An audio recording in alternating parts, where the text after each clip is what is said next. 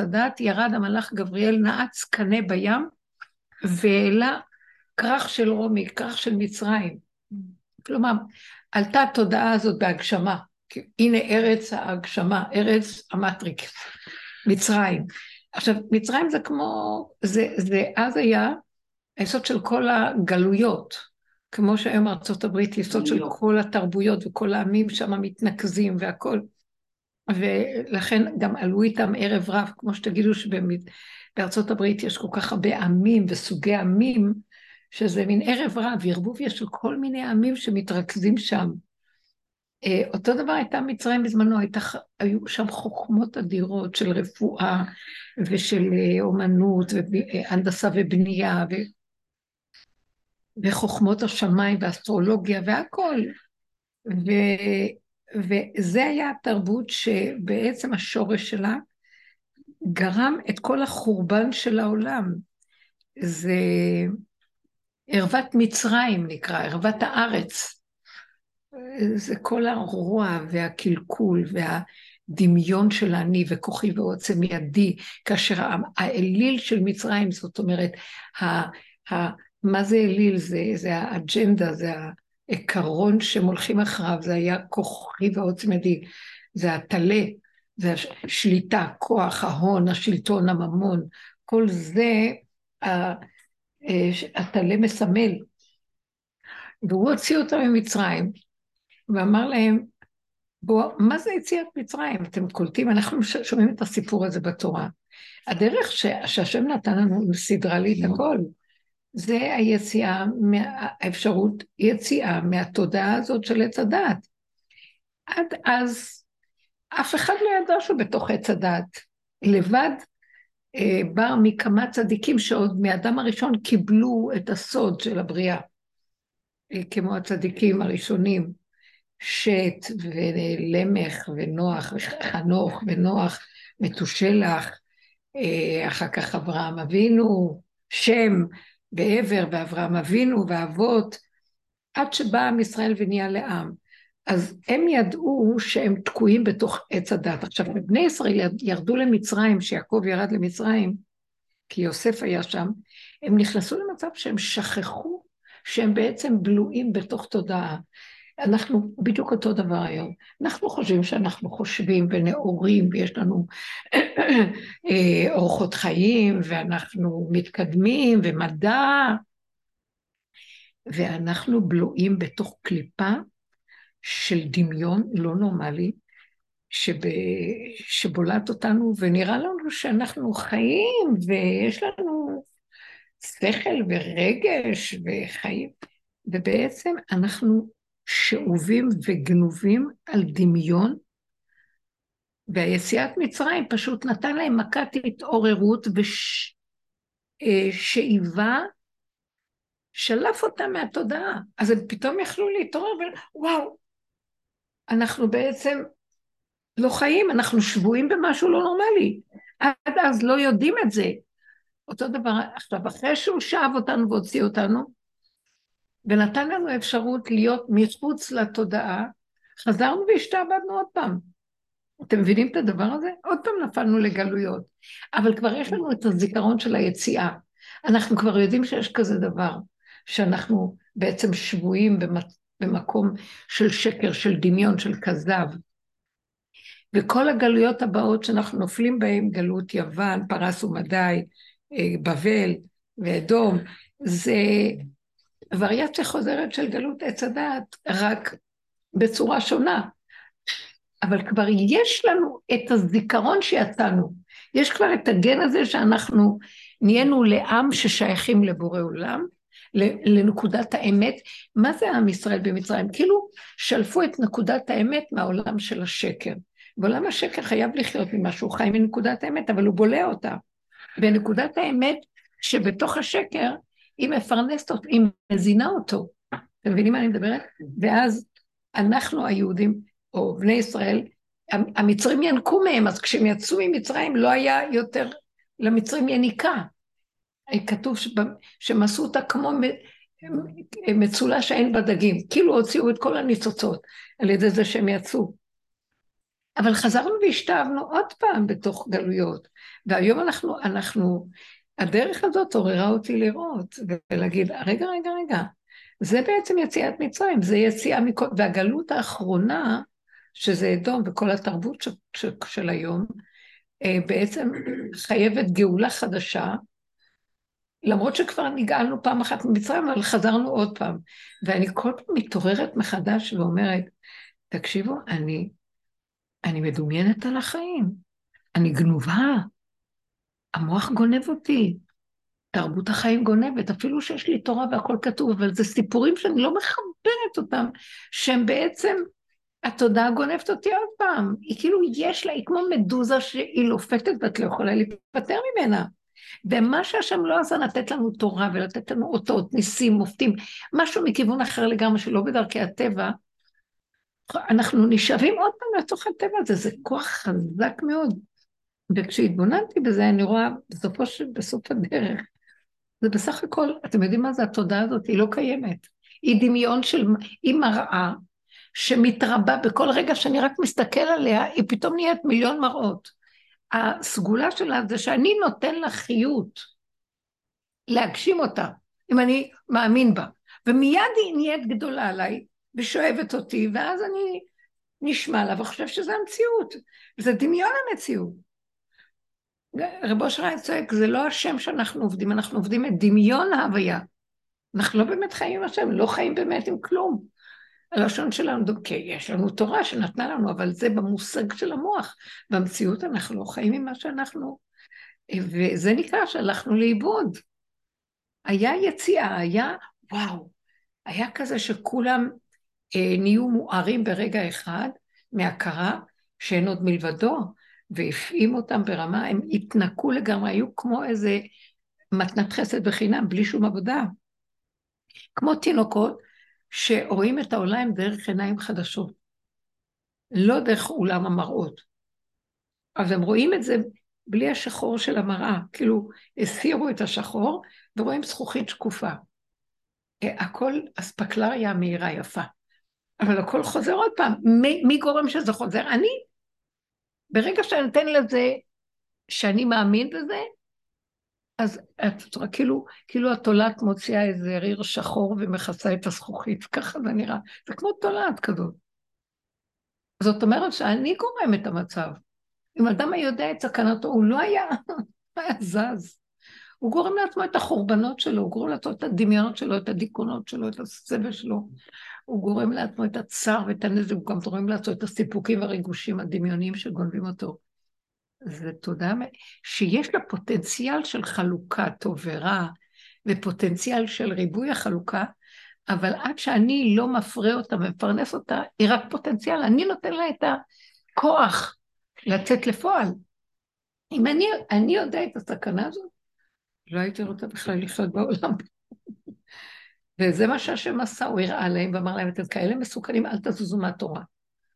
אל תזוזו מהחוקים, תצטמצמו, אתם עולם שצריך, אתם עם שצריך לחיות בדלת אמות, כמו הסרט של המטריקס, ברחפת, בדלת אמות קטנות של מעט, ולהיזהר לא להתרחב, ולא ללכת לאיבוד, ולא להאמין בעולם, ולא להתחבר מדי. כי אתם לא תצאו מזה, זה יבלע אתכם. לא יהיה לכם תקומה. אתם כותבים מה אנחנו... עכשיו, אנשים גונחים, כולם עם הכאבים. הלכנו לאיבוד. ויש באמת מעטים מעטים שהם סמויים, והם יודעים את הסוד, והם נזהרים מאוד מאוד לא לצאת בעולם. רבי שמעון היה אחד מהם, אבל אי אפשר לחיות במערה. בכל אופן, הדרך הזאת מביאה אותנו למקום שמאוד מאוד, יש לה תחכום מדהים לדרך. היא אומרת לנו, אל תעזבו את העולם. קודם כל, אתם חייבים, אתם בתוך העולם. ההתעוררות שלכם זה להבין שהשני הוא לא הסיבה שלכם, ולא מחשבה היא הבעיה שלכם. זה... אתם נותנים לה ממשות, היא מתרבה. זה אתם גורמים אותה, אתם נותנים לה חיים. אז אתם כן צריכים להיות בעולם, ועכשיו העולם הוא רק מראה לכם את עצמכם ותצטמצמו פנימה ואל תברחו מהעולם. רק תנצלו את העולם כמו שניצלו את מצרים ולקחו מהם את כל הרכוש, תנצלו את העולם להחזיר את הנקודה למקום. אל תגיבו, אל תתפעלו, אל תתווכחו, אל תתנצחו, אל תתפעלו רגשית. זאת כבר עבודת מידות, זה לא עבודת השכל. בשכל כל הדורות עשו הצדיקים עבודה בדעת, אבל היו מעטים, נכנסו לבתי המדרש, ביררו את השכל הנכון, ולא התערבבו עם העולם. אבל העם פשוט היה מעורבב, אבל הם הקשיבו למה שהחכמים אומרים. שאלו את החכמים והקשיבו להם. היום הדור הזה, אף אחד לא רוצה להקשיב לאף אחד. כל אחד חושב, אני יכול להסתדר לבד. והוא לא רואה איך שהוא בעצמו סובב את עצמו. אני חושבת שה... ש... אני לא חושבת, אני רואה את זה, שכל הדוצים שיש בעזה, זה השם דוץ. מה שקורה עם ה... הוא מראה לנו, זה אתם עושים את הכל לעצמכם. הוא מראה לנו את המראה, זה אתם. זה מתחיל להיות משהו מוזר מה שקורה שם. מישהי אמרה לי, אני אומרת, מאיפה יש להם את הידיעות האלה? שיכול חייל לקום, מרוב שהם כבר עמומים, ואחד יכול לראות בשני בלי לשים לב. את אמרת? מישהו אמר לי את זה. עינת. אה, איך זה קורה דבר כזה? אז כבר זה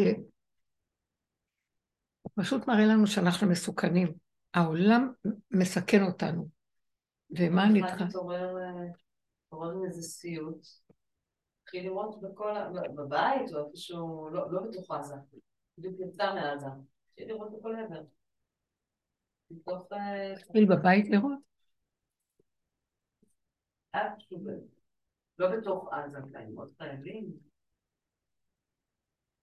אני רוצה רק לומר שהדרך שאנחנו מקבלים היא, הסוף, היא הסוד של הסוף. הנחש מפנה את פניו לעצמו, והוא יכול, הוא עוקס את עצמו. אני הנחש. עכשיו, אני רוצה להגיד לכם איזה סוד מאוד עמוק. מישהי אמרה לי איזה חלום שהיה לה, ומזה אני גם ראיתי את זה, וזה אני עוברת אחריי. אין לבורא עולם, כתבתי את זה באיזה מקום, אבל אין לבורא עולם טענה על הפגם. נכון שהוא אומר לנו, אתם תהיו בעולם, ותראו שמה שהשני מרגיז אתכם זה אתם. אל תתעסקו עם השני, אלא תכנסו פנימה ותראו שזה אתם. ותודו, תשלימו, תקבלו, ואל תגיבו לזולת. גם אל תגיבו לעצמכם, כי רגע יש לך מחשבה, מה, אני כזה גרוע וזה שובר אותנו. והוא אומר, בסוף המחשבה, העיקרון הוא כזה, אין לי טענה על הפגם שלכם. אני רוצה שתסתכלו בפגמים. אין טענה בפג... על הפגמים שלכם, זה תכונות טבע שנתתי, ובאופן טבעי ברגע שהם מסתכלים במראה זה כבר נהיה גדול. אתם לא אשמים שאתם כבר בתוך התוכנה הזו. אז אין לי טענה על הפגמים. יש לי טענה למה אתם לא מודים שיש לכם אותם, משלימים, מקבלים, ואומרים לא יכולים לטפל בזה, זה גדול עלינו, ואנחנו לא יכולים, זה גדול. אנחנו תקועים ולא יכולים, רק אתה יכול. מי שסידר את המהלך הזה, זאת אומרת, נכון שהאדם הראשון חטא ואנחנו הצאצאים שלו, אבל אנחנו מודים שחטאנו ולא יכולים יותר. אז תתגלה ותסדר אותנו. על זה הוא מחכה, הוא לא מחכה שנתקן את הפגמים, הוא לא מחכה שהיינו יכולים לא לפגום, אין דבר כזה. אנחנו תקועים במקום שלא יאפשר לנו בחיים לצאת מהתוכנה. אנחנו צריכים לגמור את הדבר הזה ולהגיד, אבל אני משלים שאני חי בתודעה שהעיקרון שלה לא מאפשר לי אף פעם לצאת. ואז אני רק צריך לבקש ממך שאתה תוציא אותי ואני לא יודע כלום. ואחרי כל הווידוי דברים, לצחוק. אתם מבינים מה אני אומרת?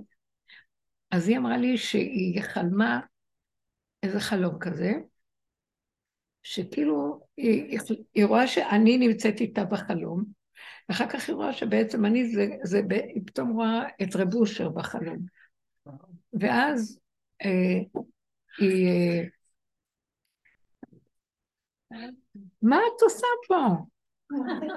מה לי ולך בכלל? תכף אני אפול עליה. לא השתנה, לא השתנה כלום. אז אה, היא מוצאת את עצמה, ופתאום הוא יחד עם אנשים מסביבו, הוא מסתכל עליה, אני לא זוכרת את הפרטים, הוא כאילו אומר לה, את רואה, החברים האלה זה כבר נגמר, עכשיו יש לנו חברים חדשים. ואז הוא מסובב את המבט אחורה, והיא רואה מי הם החברים החדשים? מלא כלבלבים קטנים מתוקים, פודלים כאלה. והוא אומר, זה החברים שלנו עכשיו. אז אמרתי, היא אמרת לי, לא הבנתי מה זה של החלום. אמרתי לה שהכלבלבים הקטנים, החמודים האלה, זה הפגם שמודה שהוא לא יכול. ובסוף הוא כזה חמוד, והשם אוהב אותו, ואומר, אני מבין, אני אטפל בכם. זה החברים החדשים. זאת אומרת, זה כבר לא להילחם עם התוכנית, זה לא להיות נגד, זה לא אנחנו... זאת האמת. עכשיו, מהי האמת? שאלו את ה...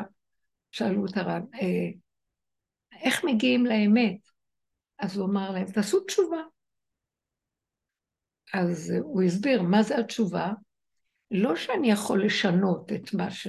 אני יכול רק להודות ולהעביר את זה הלאה אל השם. זה נקרא יסוד האמת. כי אין אפשרות לשנות. אתם מבינים מה אני מתכוונת? שימי, זו הגדרה מאוד יפה. אני לא, האמת היא שאני לא יכול להשתנות, שהתכונה לא משתנה. האמת שהתוכנה הזאת אין לה סוף, למה? בגלל שכבר כל כך הגשמנו אותה, מאחד שמסתכל במראה ונהיה חמישים מראות ונהיה מיליון מראות, אה, הפעולות נעשות אחרי זה כי אה, אנחנו מאמינים למראה ופועלים על פיהן. ואז מתקבעות מציאויות מגושמות של שקר. והמצב הזה אה, מאוד קשה, כי נוצרות מציאויות, וככה העולם התגשם ונחרב כמה פעמים בדור המפול ודור הפלגה ודור אנוש. נחרבו העולמות, וכל הזמן נחרבות העולמות. במלחמות הקשות וכל זה. אי אפשר לתקן את זה. התגשמנו מדי. אבל מה שכן אפשר לעשות זה להגיד, זה לא שלי, זה שלך, אני לא יכול יותר. ומודה ועוזב, ולעזוב, לזוז הצידה, ולא להאמין למוח, ולא להאמין למציאויות, ולא לתת להם משמעות רגשית, משמעות פרשנות מוחית ומשמעות רגשית, ולהתחיל לחיות חיים אחרים. תעבירו אותה. מה את, מה את שומעת? מה, מה את עושה עניין מהסיפור שהמוח מספר? מה? מה? זה כלום. מה כן אמת? הרגע הזה ואיך שאני ככה, כי אני לא יכולה אחרת. מי שנקלע לאיזה בעיה, ויש לה בעיה, כי הבעיה שלה זה שכתוצאה ממשהו במסגרת החינוך לא מקבלים את ה... את הילדים שלה למסגרת חינוכית, כי יש להם איזה דרישות מסוימות שהמשפחתיות שלה לא עומדת בהן כנראה. אז היא נורא הייתה עמומה. איך יכול להיות. שיש לה כבר ילדים שלומדים שם, איך קרה שפתאום המורים לא מקבלים? אז uh, באמת, מהתבוננות, אמרתי, תקשיבי, את לא יכולה, יש כאן משהו שמשמיים עוצרים אותך ואומרים לך, תעשי תשובה. תתעוררי, כי יש להם איזה, הם רוצים לשפר את, המ, את המעמד של בית הספר, לעשות אותו כזה מיוחס, אז הם מתחילים לנפות סוגי אנשים. אז אמרתי לי, למה אותנו? למה אותנו? ואז התבוננו ודיברנו, אז אמרתי תקשיבי, השם מחפש אותך, להפסיק להתכסות. מה שהם אומרים זה נכון, אתם לא מתאימים לדמיון שהם רוצים עכשיו לשים בבית הספר, כי אתם סוג משפחה אחרת. אז למה את מתכסה כאילו את, את לא ככה? אז בינך לבינך, אין עניין לפרסם את זה החוצה. תודי ותגידי, נכון, מחפשים אותי שאני לא אתכסה, ושאני יודע, זה מה שהמשפחה שלי. ובכל אופן אני מבקש לך שלא תוציא את הילדים, אין לי סבלנות לטפל בהם ולסדר אותם באיזה מסגרות. אבל השם דרכם רוצה להגיד לך, תזהי את השקר שלך שאת מתכסה, ותודי באמת מולי. אז גם הם אולי יקבלו איזה שכל, לא להתכסות סביב איזה דמיון שהם רוצים להיות איזה מסגרת מיוחסת, מכירה את זה? מיוחסים כאלה שאת אלה הם מקבלים ואת אלה לא. זה גם כן דמיון שלהם, אבל את תתחילי, כולם בדמיון. וזה, בהתחלה היא לא השגיחה מה אני כזאת, מה אני לא, כן, בסוף אנחנו לא שמים לב. המאורעות שבאים עלינו אומרים לנו, תתבוננו בעצמכם, גם אתם מכוסים. זה נכון מה שאומרים, אתם לא מתאימים למסגרת. כלומר, אתם לא מתאימים לדמיון שאנחנו רוצים לסדר פה. אז אנחנו מכסים ולא מבינים, אבל פתאום, תודי באמת, נכון. אז מה, אז עכשיו אני צריך לצאת משם? אני אומרת לה, לא, לא בהכרח, את פשוט רק מולו, את מודע, הוא כבר יסדר לך הכל. רק תגידו לו, זה גדול עליי, לא יכול להיות משהו אחר. ונוח לי שיישארו שם. תבינו, השם מסדר הכל. אנחנו צריכים לחיות עם יסוד האמת, בינינו לבין עצמנו, בווידוי דברים לבורא, מבלי שנלך לעשות פעולות ולשנות מצבים. הוא אומר, אני לא ביקשתי אתכם לשנות. נכון שאנחנו עומדים ביום כיפור ומתוודים את כל החטאים והפגמים שלנו. תגידו, שינינו משהו בווידוי הזה של אותו יום? שינינו את המידות, אנחנו אה, הפכנו את כל החטאים? לא, רק דיברנו אותם.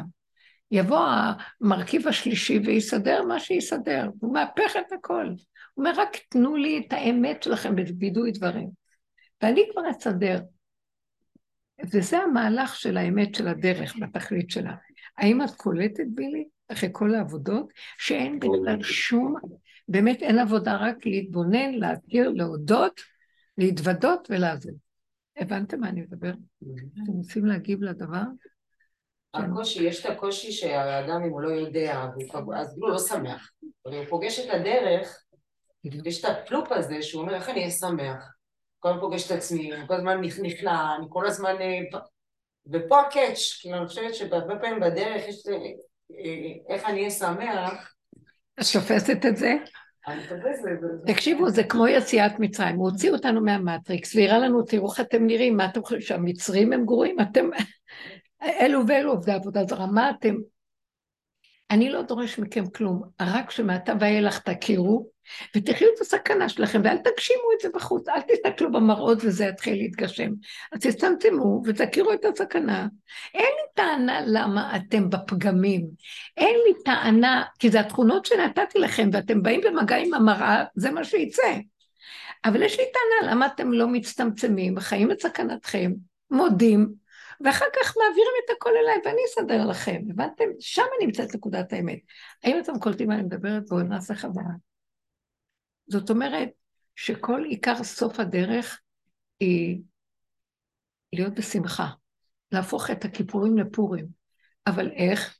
לא על ידי שאני מתקן כאן משהו, על ידי זה שאני נזהר לא להיפגש עם המראות, אולם המראות הזה, ולא לתת משמעות במוח, ולא משהו, פרשנות רגשית בהרגשים, ולא להתרבות בעשיות, אני מוציא לפועל את המחשבה ואת ההרגש, אז נהיה מצ... מתקבעת מציאות שאני אה, יכול ליצור מציאות שקרית ומוטעה כתוצאה מזה.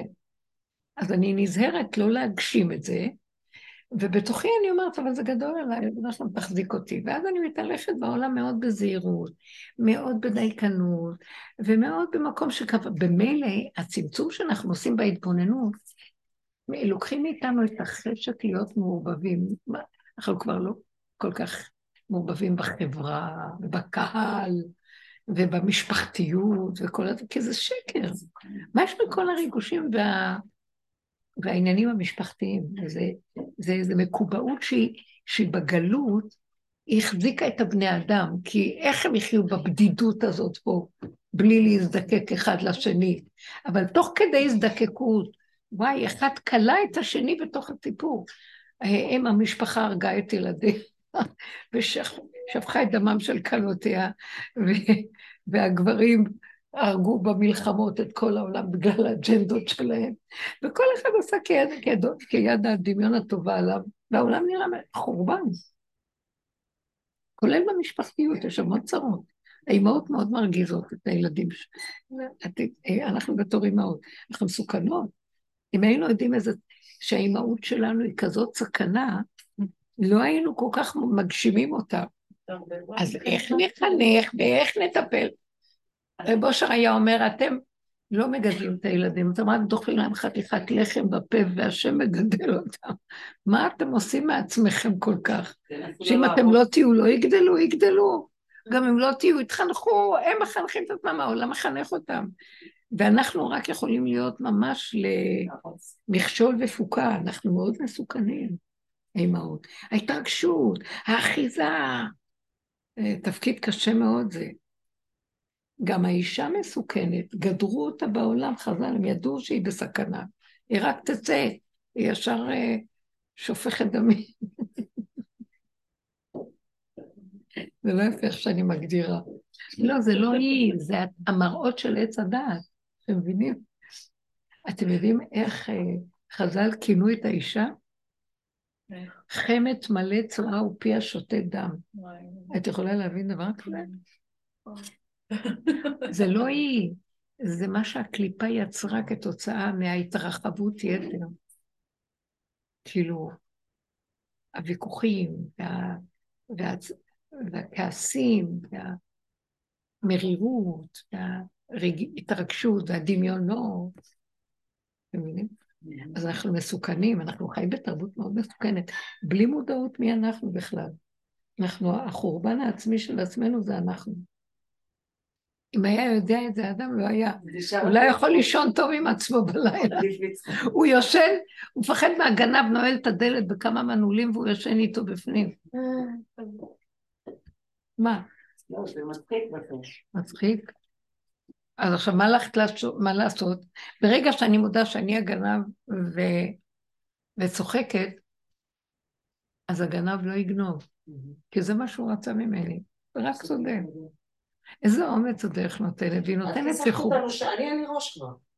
אם אני הראש לא עולה, אני שומעת אותך צועקת לי, תורידי את הראש, אני צועקת עליי, מבזה אותי. מה לא? תקשיבי, זה מתנה, זה מתנה. היום אין לי, אני מפחדת כאילו, זה כאילו להזכיר לנו את הסכנה שלנו, זה לא ש... כולנו בסכנה, אני, אני רק מקבלת איזו מחשבה כאן. אתם מכירים את המוח, מה שלא עובדים עליו, הוא קם בבוקר ושואל, אז מה החיים שלך? הבנתם? שקרן כזה. כאילו שיש לנו חיים. יש לי נשימה אחת. הוא מתלבש על הנשימה הזאת, ועושה לה המשכיות, כמו מיליון מראות, מה החיים שלך. אני אמרתי להם שהצעתי לאיזה חברה שהיא בת 70, אה, שידוך. כן, היא הייתה מתארחת אצלנו הרבה, ואמרתי, צריכה שיהיה לה איזה אז היא אומרת לי, אחרי הפגישה הראשונה, היא אומרת לי, את חושבת שעם זה אני אחיה כל החיים? ככה מנסים עליי. זה נראה לך? לא עד שהשתחררתי? לא להכניס. תבינו, האדם מדומיין, הוא עף על עצמו בדמיונות שלו. כאילו יש לו עוד חיים, ואיפה הוא נמצא ומה לא. והעבודה שלנו היא פשוט לצחוק על עצמנו ולחיות את הרגע, כי זה באמת חיים, הרגע הזה. ואיך הוא, בלי סיפורים, בלי לתת לתודעה של המראות האלה לעבוד עלינו. אז איך אנחנו עושים את זה בפועל? באמת, זה כל הזמן, זה התחינה והבקשה, ועד שאנחנו נהיים, מרוב שהתמקדנו והצטמצמנו אחורה, מלחיות את הסכנה של העולם בחוץ, נהיינו גבוליים, כמו תינוק גבולים. ומאוד מהר אני, אני כל כך, אין לי כוח להתמודד עם ה... עם המשוגע שניבט לי מהמראה של עצמי. אז אני עוקפת אותו. אז אני לא רוצה בכלל להתקל בו, אז אני מפסיקה להאמין למוח שלי, גם לא לרגע שלי. ואני חיה עם הרגע, ואני רואה פתאום בנוכח יש סיבות שמחיות, והן פותחות לי דלת, הן מביאות לי את ההזדמנות. יש משהו שמסובב פה את החיים, והוא יותר אמיתי. שלחו, הוא שליח ממסובב הסיבות, לסובב לי את המציאות, ואני רק צריכה להיות קשובה לו. אני רוצה ללכת למקום, אני רואה התנגדות, אני אומרת, סיבה, תעצרי, אל תלכי. לא בכוח. עכשיו, המוח לא רואה סיבות, כי הוא הולך עם התוכנית שלו ומאמין לה ודוחף וחוטף מכות של חיים. ואנחנו צריכים להיות יותר עדינים, יותר קטנים, יותר לא, לא, לא, לא, לא, לא, ולחזור אחורה ומאחורינו, בקטן הזה, יש חיות מאוד מאוד מתוקה, נקייה, פשוטה, חיים טובים, מה חסר שם? וזה מה שהשם רצה כשהוא הוציא את עם ישראל ממצרים, ואתם תהיו לי ממלכת כהנים וגוי קדוש, תישארו רק איתי, נתתי לכם, אפילו לא נתן לנו את כל התורה, נתן עשרת הדיברות. עם, עם הבתק, כשאנחנו מסתכלים על העיקרון, אחד מעשר העקרונות, אנחנו יודעים בדיוק מה צריך לעשות עם כל הסעיפים שצריכים בכל רגע ובכל מצב, בלי ללמוד בספרים ובלי לדעת. ואיבדנו את המתנה הזאת. כאילו הוא צמצם אותנו ונתן לנו איזו חוכמה פנימית של נחל נובע מקור חוכמה, ומשם אנחנו יכולים להבין ולדעת ומתחבר שלא תלוי בעולם, ולהיות קשובים לחיות הזאת שנובעת מהחוכמה הזאת, שזה השכינה, בורא עולם חי וקיים בתוך העולם. לא צריך לעמול קשה. פירקנו את הקללה של עץ הדת. פרנסה קשה, זוגיות, מקש... התלות בין אדם לחברו, והניצול אחד של השני. זהו, פירקנו את זה. וחזרנו עוד פעם להשתעבד. איך המטריקס הזה עובד עלינו? איזה עצה אתם חושבות שיש כדי שזה לא יפעל עלינו? קרה לי משהו מעניין היום. כן.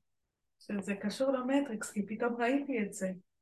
פעם הבן שלי שאל אותי, למה בסוף, בסרט האחרון של המטריקס השלישי, עדיין הוא נלחם עם אה, אותו uh, סמית. הוא נלחם עם המראה. כן. במילים אז, אחרות? אז אמרתי לו, אה, כבר לא אכפת היה לו, אבל זה לא היה בבשר שלי, לא ממש הבנתי. והיום, את מבינה. מה היה?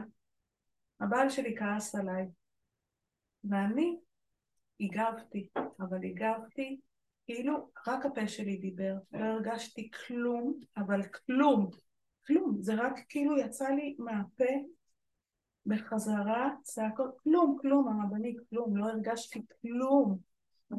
ויצאתי החוצה לסופרמרקט, ובסופר היה סרט, סופר קטן, והיו שם כמה ילדים שקנו כל מיני דברים. הם עשו כזה רעש, הם היו חמודים אבל ברמות. כל הסופר, אני נשבעת לך, נעמד והסתכל עליהם. אני מסתכלת על האנשים, אני מסתכלת על איזה מישהו שעמד לידי, ואני אומרת לו, מדהימים, לא? ראיתי איך כולם רוצים להיות שם, במקום הזה של הילדים. אז חזרתי והבנתי... את יכולה להגדיר איפה הם היו, מה הם עשו? מי הילדים? כן. הם קנו ממתקים. וצחקו. הם היו מכנסיים קצרים, בנים בנות, נהנו, ויאללה הולכים לזה, לים. כמה זמן ייקח לנו ללכת לים? היום, בגשם. לים, היום, בגשם. מכנסיים קצרות. מה זה גשם בחוץ? כמו ילדים של קיסריה, הכל יצא בקיסריה. כאילו, אפשר להבין, גם הילדים אין להם- אין להם מוח לחשוב שקר. המוח עושה שיהיה קר, כי זה גשם ואחד עוד אחד שווה קר. אבל אין להם את המוח הזה, אז לא קר. ואז הבנתי על המטריקס בעצם, שהעולם באמת יישאר כמו שהוא, אבל זה שהוא נלחם איתו, כבר לא אכפת לו. התעייפו, יהיה תשישות. אתם לא רואים שהעולם נכנס לתשישות? זה בדיוק כל התודעה הזאת, ההגשמה והרצינות, ואחד מאמין לזה והוא עונה לו, וזה... בסוף נישאר, יכול להיות שנענה, אבל לא אכפת לנו. זה לא ישפיע עלינו כלום, זה לא משנה לנו, כן יהיה, לא יהיה. יש שלווה ומתיקות בצמצום הזה של הקיום הקטן הפשוט, ובמקום הזה דברים חדשים באים, ויש חיות זורמת ושמח. כל רגע בא וכיכרו בידו. זה לא אחד ועוד אחד שווה והמציאות, זה הכל עגום כל כך עם כל הספר הזה, זיכרונות, חשבונות, וזה מאוד יפה, זה כאילו, כולם מסתכלים ונהנים מהם, כי יש להם איזו חיות והתחדשות. מכלום הם חיים. מסוכריה, כל החיים שלהם נראים. אין חיים יותר טובים מזה. שימו לב לדבר הזה, שימו לב מה שהמוח הזה עושה. שהמוח מתנה את הקיום, אם ככה ולא ככה וככה, אז הבן אדם מתחיל להרגיש. כאילו המוח משכנע אותו, אז יורדים לו הפרשות של ההרגשה. זה הכל במוח. ובאמת, באמת, אם עוקפים את המערכת הזאת, הכל נראה אחרת לגמרי. וכולם אה, הסתכלו עליהם והתגעגעו גם כן להיות כמוהם. והעולם היום בחוץ, אני מסתכלת עליו ואני אומרת, אתם לא קולטים מה שקורה? המערכת נראית כאילו היא תשושה, אבל יש מלחמה, כאילו מלחמה. אני מבטיחה לכם שגם החיזבאללה כבר עייף, וגם חמאס מותשים, גם צה"ל מותש, עם כל הכרזות לנצח. אף אחד כבר לא מבין מה עושה ולמה עושה, זה עוד זורק איזה טילון, וההוא מפוצץ מזה, ואחד הורג את עצמו, ואחד... בלי תדהמה ולא ברור, ואין תוכנית, ואין תוחלת לאן זה הולך, ולא ברור, ויש רק תשישות, תחושה של תשישות ואיזה תסכול לא ברור, מה זה? לאן זה מוביל? מה? זה מה שעכשיו, לקראת הסוף התודעה הזאת תתגלה במערומה. אין בה שכל, אין בה... היא לא באמת קיימת, אני נתתי לה כל הזמן, אני זזתי ממנה, או שנהייתי תשוש ואני לא מגיב לה כל כך, היא בעצמה מתחילה להתגלות כאילו בחדלונה, אין לה חיות, מאיפה היא תינוק חיות? זה, כולם זזים כבר, אין להם כוח. וזה המקום שאנחנו נדרשים עכשיו למקום הזה, לא לתת ממשות לחיים במרכאות. אולי אפשר דוגמאות להביא, ונראה כמה שבאמת הכל זורם במילא, גם בלי הדמיונות שלנו במוח. הכל קורה במילא. יש מי שמנהל פה את הכל בתודעה אחרת, נקייה, שאינה תלויה בכל זה, מה שהיא אמרה, עולם, הרמב"ם אומר שהגאולה, ימות המשיח זה עולם כמנהגו נוהג. הכל כרגיל, רק לא יהיה את הדמיון הזה של הרעל שנגנב וכאילו מתפתח ונהיה המציאות. באמת, לא יהיה, המציאויות יתחילו לחזור להיות קטנות, פשוטות, מרוכזות, בתכלית האמיתית של המציאות של החיים. זה כמו שבת, אוכלים, שותים, יושנים, שמחים, איך שזה ככה, לא דואגים. גם כלים כבר לא עושים.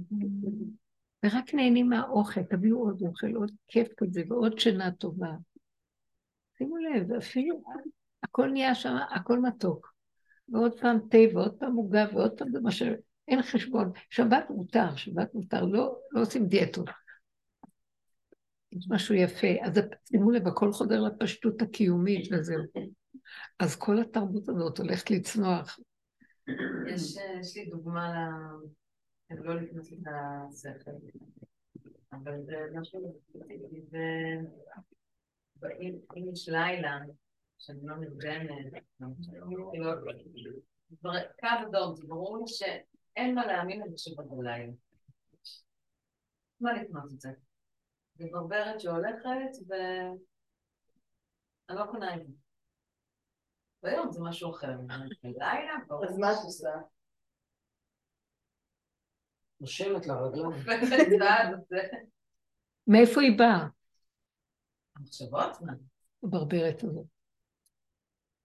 כל מה ש... שם כל הזמן. כל מה שביום, הרשמים כן. של היום, בלילה זה... כן? אז אם כן, ביום זה מתחיל. כן. אם אני ביום ביום אני נזהר. לא לתת לה פתיחות ולא לתת לה... לא להאמין לה, בלילה זה נהיה גם שקט. זה תרגול מאוד יפה, לא לתת פשוט לכלום. בלילה אתה יפה, תהיה יפה גם ביום. אני שהאמנתי לעצמי, את יודעת, הייתי חולה.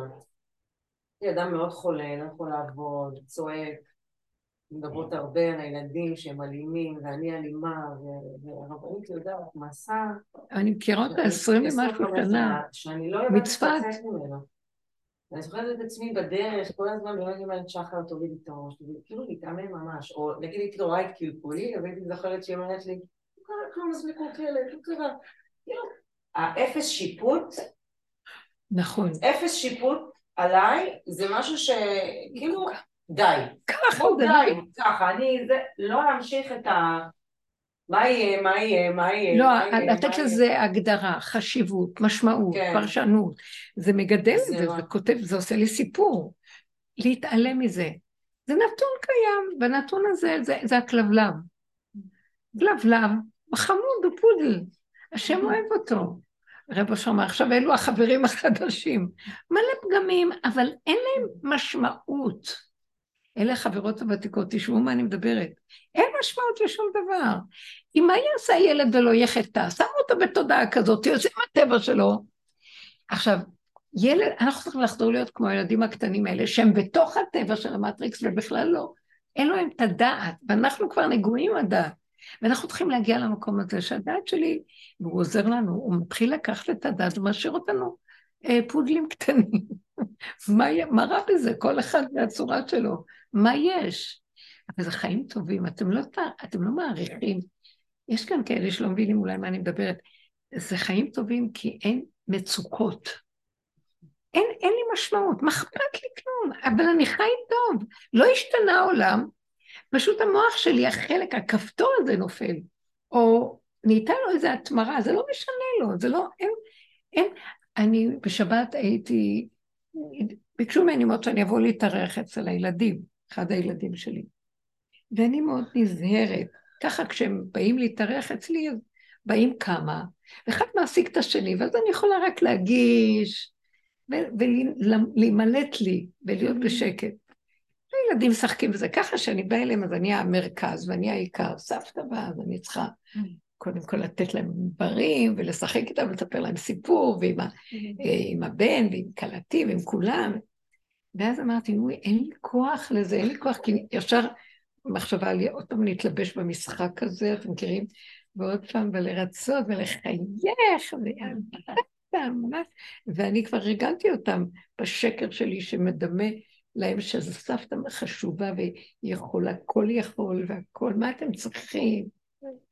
קיצור, דפקתי את עצמי במו ידיי ובראתי לי את הגיהנום שאני לא יכולה לצאת ממנו, וככה זה בסדר. אז אמרתי עכשיו, אין לי כוח, אין לי כוח, אני על הגבול שלי, לא בא לי, לא בא לי, אבל כל כך ביקשו, וגם בעלי אמר, בואי נלך, די. תמיד אנחנו מאחים, בואי נלך. ואז הלכתי, אבל לפני כן היו תפילות. אמרתי לבורא עולם, אני בגבול שלי, אני גמורה, אין לי כוח לכלום, אני לא יכולה לעמוד בפני שום פרויקט עכשיו. לא רוצה אותה רק לאכול, לישון, לא רוצה אנשים, לא רוצה כלום. תרחם עליי, איך אני כאן, אני לא יכולה יותר. אין לי כוח לשום מטלה. אני נכנסתי וראיתי מה שקרה. אתם לא מבינים, הוא הביא אותי למקום, כאילו לקח לי את המוח, והתחברתי אליהם באהבה שאינה תלויה בדבר. בכאלה חיבוקים ואהבה. היינו כמו חברים, הילדים, וגם עם, הבח... גם עם הבן, גם עם אשתו, חברות מדהימה, ואיזה שמחה, ואיזה... כאילו, לקח את כל הענן הערפל הזה, ונהיה... גם... זה השפיע גם עליהם, שגם הם... זה לא יאומן. ראיתי פתאום איך שזאב יגור עם כבש, וגדי עם ארי ירבץ, והתינוק ישחק עם הנחש, ושום דבר לא יזיק לכלום. והייתה שבת מדהימה, אמרתי לו, אבל תודה רבה. זאת אומרת, העולם יישאר כמנהגו, אבל השד הזה במוח לא יהיה פה, אין לי כבר כוח אליו. נמאס לי עם כל התכסיסים שלו, מכל המלחמות. אין לי כבר כוח לשחק אותה. מה שאני לא עושה, תשש כוחי, והוא רק מתחיל אה, להתחדש עליי, כאילו מה.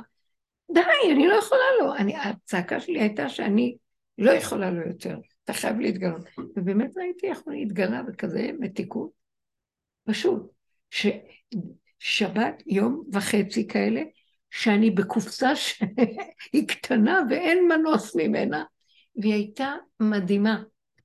לא היה לי, רצו ללכת משם בכלל. זה היה מתוק, חידוש. וזה קורה מדי פעם, אבל אני ראיתי איך הוא מתגלה, רק תגידו לו, תני לו את הגבול שלכם. מה? רק להגיד לו אני לא יכולה ו... אני ראיתי את זה סוד מופלא. זה לא יכול מייאוש. אני לא יכולה, כאילו, כל כך תשש כוחי, ואין לי מאיפה להוציא עוד כוח לשחק אותה. ואם הפחד שלי, אם אני אבוא, אני לא אשחק אותה. ואני אהיה באמת איך שאני באמת, אה, בלי שאתה מתגלה בפגם שלי, יש לי פחד שיצא ממני כל הדבר הכי גרוע שאני אף פעם לא רוצה שיראו, שאני לא סובלת אף אחד, ואני אה, לא, לא מפרגנת כלום, ושאני חיה שרק רוצה לאכול לעצמה ולא לעשות כלום. מפחדת שיגלו את האמת הזאת, ולכן אני כל הזמן נוטפת אותה. ופתאום פעם, פה אמרתי לו, אני לא יכולה להיות משהו אחר ממה שאני, וזה לא מתקבל בעולם, מה אתה רוצה שאני אעשה? ואין לי, אמרתי לו את הפגם שלי, אין לי את הכוח להגיד זה מה שאני ולא אכפת לי, אני לא יכולה. החינוך שקיבלנו זה אין דבר כזה. צריך להתגבר וצריך, והמשחק הזה, זה כאילו אפילו אני לא יודעת מי אני כבר, אבל מהעבודות שעשינו, אני יודעת מה השורש שלי. רבותיי, אני כזה אפס וכלום וחיה, ואני מפחדת שהם יראו את זה. אתם מבינים מה אני מדברת לכם? ואז זו הייתה המצוקה שלי. אין לי כוח לשחק אותה, עכשיו הם יראו איך אני באמת, ואני לא יכולה לעמוד במעט. תיקח אותי מהחיים, לא רוצה לחיות. ואתה מאלץ אותי להמשיך לחיות פה בתרבות הזאת, המשפחתית הזאת, וכל פעם אני מוצאת עצות איך להימלט, ופה אני לא יכולה, תקעת אותי שאני לא יכולה לצאת, אתה חייב להתגלות שם. וראיתי איך הוא... זה מתיקות. אז הוא מראה לי, את רואה? אתם צריכים את הגבוליות ואת הקצה כדי להוציא מילה מהפה, כן. ואני באה אליכם. אז אני מביא אתכם, כל הדרך הזאת, אז הביא אתכם לקצה, כי ניפיתם וניפיתם בשלוש עשרה נפות, כדי בסוף תגיעו לאמת לאמיתה, שאתם אפס אחד גדול, מה אתם משחקים אותה? אבל אתה לא יכול לשים את האפס הזה בתרבות, או שיאכלו אותו, או שינדו אותו, או ש... אשפזו אותו, משוגע, לא, זה לא מה שחשבו על אימא. כל הזמן אני רק, אתם לא יודעים, זו תרבות שצריכה להראות שההורים הם כל יכול והם המשפיעים, והם המחנכים, והם הדוגמה האישית לכל, בכל הדורות. זה, זה לא יאומן, אתם, אתם לא מבינים, זה לא דבר כזה שתוציא את כל מה שבא לך החוצה. הילדים שלו אומרים, אבל כשאמרת להם, אימא משוגעת, תודיעו, תודיעו, תודיעו. תודיעו עם תעודות, אני גם יש לי תעודה כבר, די, לא יכולה יותר, על אף אחד אני לא עובדת, לא מעניין אותי. אשרייך שיש לך כזאת משפחה. אני, אני אגיד אימא משוגעת. הם כל כך ייבהלו, וכולם רק ילמדו עליי זכות, שאני כזאת צדיקה, שאני גם עוד אומרת על עצמי מה שלא נכון לגמרי. אין, הרצינות והצדקות והחשיבות. מה? תגידי תודה. נולדתם לאמא הזקנה, אין לי כבר סבלנות, תבינו את זה מההתחלה. וכשאני מדי פעם הייתי קצת מעיזה להוציא את הפגמים החוצה ולעשות צחוקים, זה... מה, הילדים שלי מוסרים לך דש, תביני. הילדים שלי מודים לה. כאילו, הם מודים לך שהחזרת אותי אליהם, כאילו, החזרת אותי לבית. שכל העולם מתפוצץ. שידברו עם הילדים שלי. כן, אין דבר, אבל ככה זה, אין לי, אין לי טענה, אני רק אומרת, אם זה הנוסחה ששמת לי, לצאת מפה אתה לא מרשה לי, להיות פה אין לי כבר כוח, אתה חייב להתגלות ולסדר את הדבר הזה. מה אתה רוצה ממני כבר? וכשאדם אומר את זה באמת לאמיתה בגבול שלו, הוא יקבל את הישועה שלו, באמת. הוא רוצה פשוט שתגידי את זה באמת. לא בעצבים, זה כאילו בתסכול של אין אונים. אוזלת יד ואפס עצור ועזוב, מה אתה רוצה שאני אעשה? אמת פשוטה, ולאחרונה רק ככה תדברו איתו, מתוך הכלום, לא לבוא בטענות לעצמנו בשיפוטיות ובכל הביקורת ומה שהיא אמרה פה, כלום, כי ככה זה בסדר, אין לי ברירה, ואין לו טענה עלינו, דרך אגב. אנחנו במוח של עץ הדעת טוען על עצמו. מה, השקרן הרמאי הזה, הוא שודד אותנו, הוא המקטרג הראשי, הוא יורד להטעות אותנו, הוא עולה לקטרג עלינו ויורד ליטול את נשמתנו. אחר כך הוא אומר, איך אתם מתנהגים? אחרי שהוא מסדר את כל הסמטוחה והבלגן. אז איך אנחנו עוד מאמינים לו בכלל, אתם מבינים? אנחנו צריכים רק להגיד, השם, אנחנו נלאינו מכל התוכנית הזאת, שבעצם אנחנו יצרנו אותה, וכל מה שאני שופט ודן את השני, חס ושלום, אבל אני חוזר ודן את עצמי, אבל אשמים אנחנו, שזה תשובה, כמו יום הכיפורים, גם זה הוא אומר בסוף, תפסיקו כבר לרדת על עצמכם. בסדר, זו תוכנית שאתם צריכים אותה כדי שלא תרדו על אחרים, ולא תחשבו שאתם הצדיקים והם הרעים. אז אתם עכשיו אומרים, טוב, הם זה לא הבעיה שלנו, אבל אני הבעיה של עצמי, אז גם אתה לא הבעיה, גם כן. תלכו צעד אחר צעד עד שתגיעו למקום של גבוליות, שאני לא יכולה לעשות שום דבר. זה מצב נתון, זה פודל, זה כלב, שבסוף, אם הוא ישים את המבט במראה, אז הוא יתחיל לנבוח, ואז הוא הוא יטרוף את עצמו מרוב שהוא ייבהל מעצמו איך הוא. ובסך הכל הוא פודל קטן חמוד, דווקא נחמד. היא אומרת שהחלום הזה היה... אני חושבת שאמרת לנו, תהיו קטנות, השם גדול. תהיו גדולות, השם קטן. כמו הדברים שאני רואה כבר, שהבנות שלך, תהיי קטנה, ואני רק עושה הכל, אני נוסעת, מה שלא הייתי עושה מעולם בחיים. בחיים לא הייתי עושה דברים כאלה, להוציא רישיון, אה, ללמוד, היא אמרה שדרוג, זה לא יאומן, זה לא, זה לא אנושי, פשוט הייתי יושבת בבית ואומרת לו, עד שאתה לא בא, תמות העולם, אני לא זזה. הילדים היו רעבים, בעלי הלך, אה, לא היה לי כסף, לא זזתי, לא, כל עוד היה לי ראש, לא זזתי. שלושה חודשים לא זזתי. לא רצית שהוא יתגשם. כלום, שלא יהיה פה כלום, מצידי שלא יהיה כלום, אבל אני לא חוזרת לתוכנה, אני לא נכנסת לזה. תקשיבו, כי אני ארצח, אני מסוכנת. זה אנשים? זה היה מסוכן. את איתי, אבל אני לא איתך.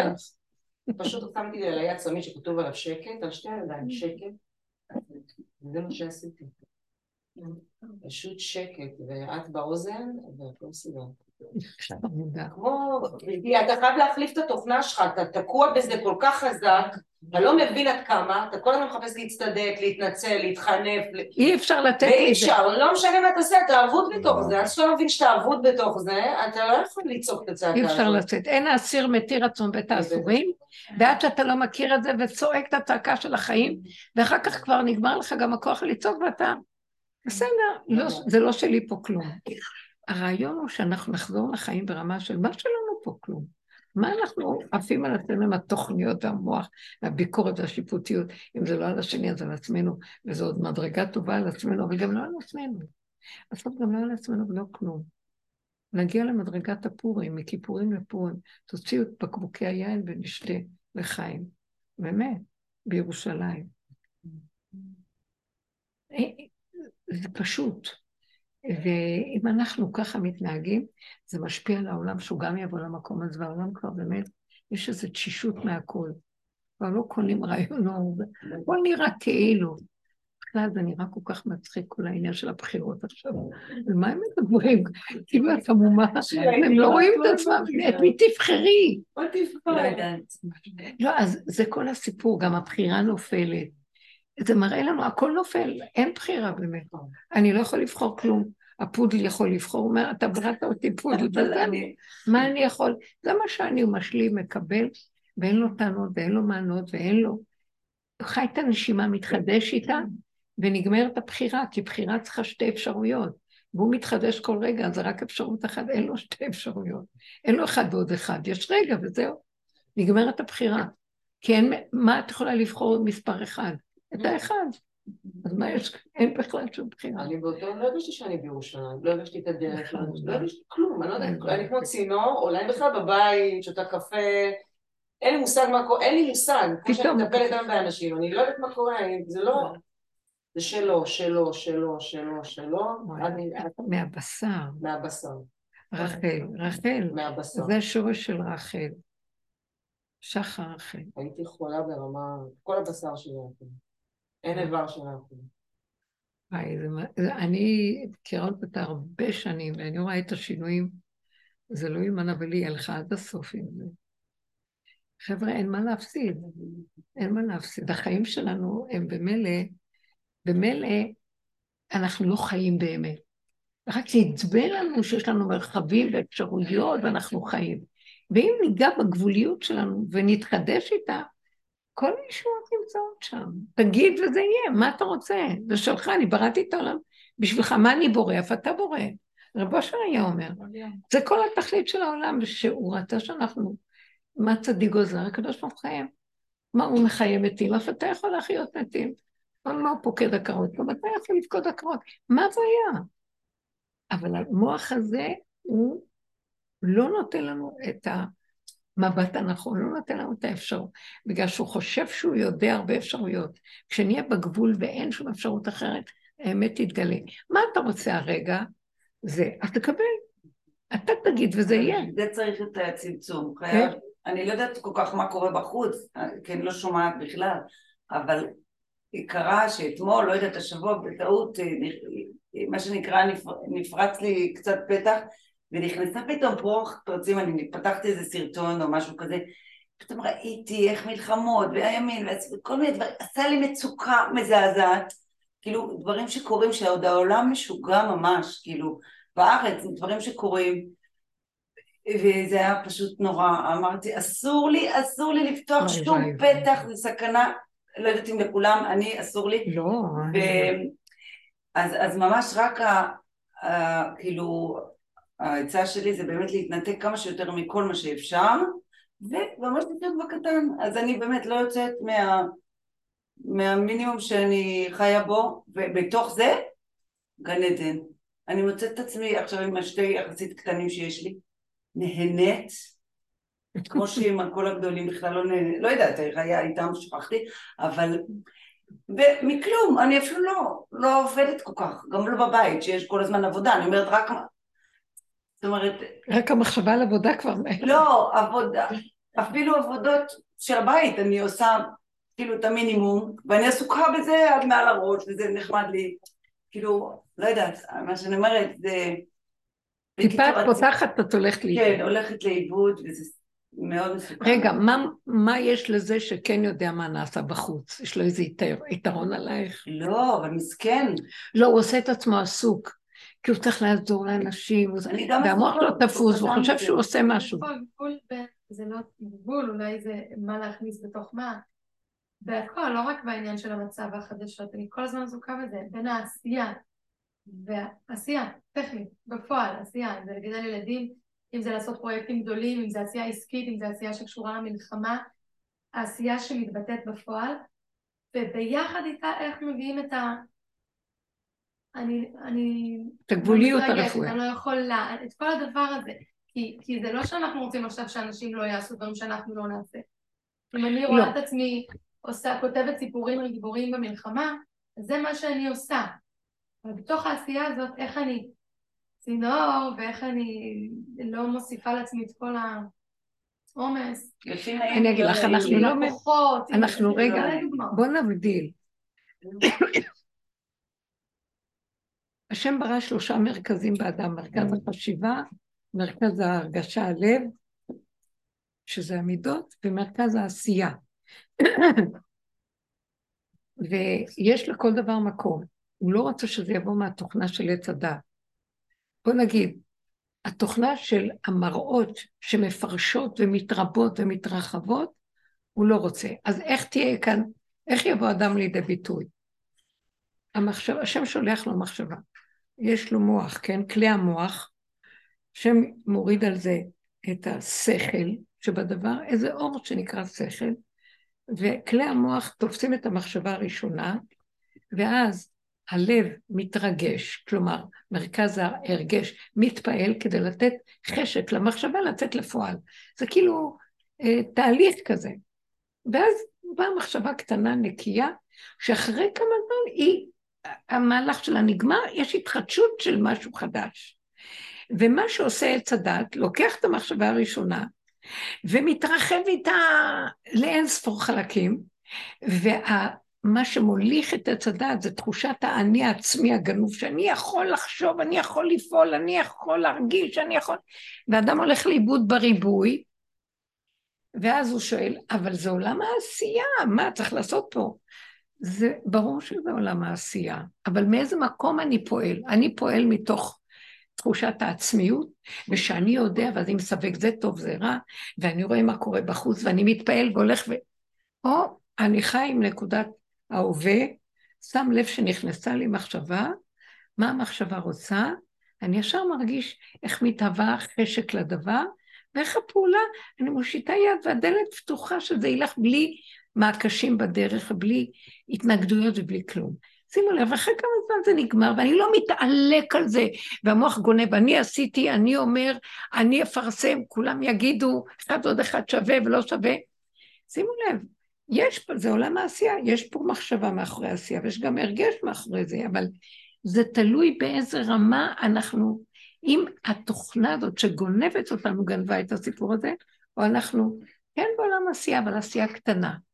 אה, מדויקת, הרבה קטנות. היא מדויקת העשייה, וגם המחשבה היא לא מתפזרת, והיא לא אסוציאטיבית, והיא נגנבת, והיא מתעלקת על דמויות, על מצבים ועל אה, עולמות, והיא מספרת לי סיפורים, ויש ספריות וספרים, לא, הכל קטן פשוט מתחדש ונגמר ועוד פעם קטן. ועכשיו, אדם כזה שפועל ברמה הזאת, שולחים לו את המחשבה, אז זו מחשבה מהשם. היא מחשבה טובה, היא מחשבה נכונה, היא מחשבה שהיא עושה פירות טובים. למה אני צריך להגיד, זו מחשבה טובה, זו לא מחשבה טובה. אולי זה יזיק, אולי זה לא יזיק. למי זה מועיל, ומה זה עושה? מה יצא לי מזה, לא יצא לי מזה. כל ריבוי האינטרסים, המחשבות והנגיעות, לא שייך פה בכלל.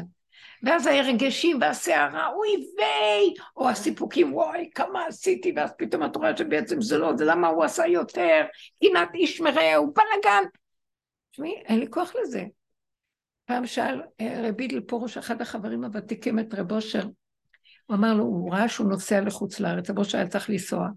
אז הוא אמר לו, מה אני אעשה, רב אושר, אתה תיסע, אני בא, שואל אותך שאלה, אתה שולף לי תשובה. כאילו, הוא רואה הכל ויודע הכל. הוא היה ים של חוכמה, שמה ששאלו אותו, הוא שלף על המקום תשובה והכל היה נכון. מאיפה הוא דלה את, מאיפה הים הזה? לא היה נגמר. ואונליין, והכל מדויק. אז הוא אמר לו, יופי, עכשיו אתה תלך, מה יהיה איתי? את מי אני אשאל? הוא היה אדמו"ר שלו, כאילו. אז הוא אומר לו, מה הבעיה? מה אתה עושה אותי אדמו"ר? אתה יכול בדיוק כמוני.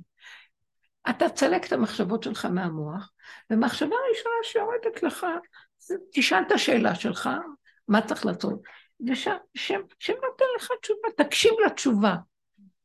והוא אמר, נתת לי הוראה קלה, אני ים של סערת מחשבות, איך אני אזהה את המחשבה הראשונה? כי איך שהיא באה ישר, מיליון מחשבות גונבות וטורדות אותה, איך אני אזהה אותה בכלל? אז הוא אמר לו, בשביל זה צריך להתבונן, להדמים את הנפש, ליפול ולקום וליפול ולקום, ולשאוף לחיות עם היסוד הראשוני של כאן ועכשיו. לא בשמיים היא, לא מעבר לים, לא לספק לתרבות הזאת כל הדמיונות שלה, תשתדל כל הזמן לחזור. הוא גם אמר לו, נקודת המצוקה שיש לך כאבים ממשהו, סימן שהלכת רחוק ומנסים להחזיר אותך. הסיבה של השם אומרת לך, חזור לאחוריך. כל הבריאה מדברת איתך, נותנת לך סימנים, ציוני דרך, אבל אתה לא מקשיב, כי אתה משוגע מהריבוי של הראש והבלבולים שלו. ואז אני, אני רואה כל הזמן, יש מרכזים ופועלים נכון, השם ברא את האדם עם כל המרכזים, אבל מה שהוא ברא גם, שזה הוא נכנס לו במרכזים, ואילו לי נדמה שהוא בשמיים ואני כאן החושב. יש לי מערכת שכן, אה, היא מערכת אה, אה, ספרייתית של מה נכון, מה לא נכון, והיא נותנת לי כללים, אבל אני לא רוצה יותר לחיות עם הספרייה הזאת, כי הספרייה הזאת זה כבר ריבוי של הכללים. כלל אחד שהלך לריבוי בכל כך הרבה דברים, כבר הספרים, אה, אני אגיד לכם את האמת, הספרים מוליכים אותנו גם לאיבוד. הספרים וכל ה... אפילו ספרי תורה והפרשנות שלהם כבר יותר מדי. כמה הלכות, כמה זה, כמה... אי אפשר כבר לסבול כלום.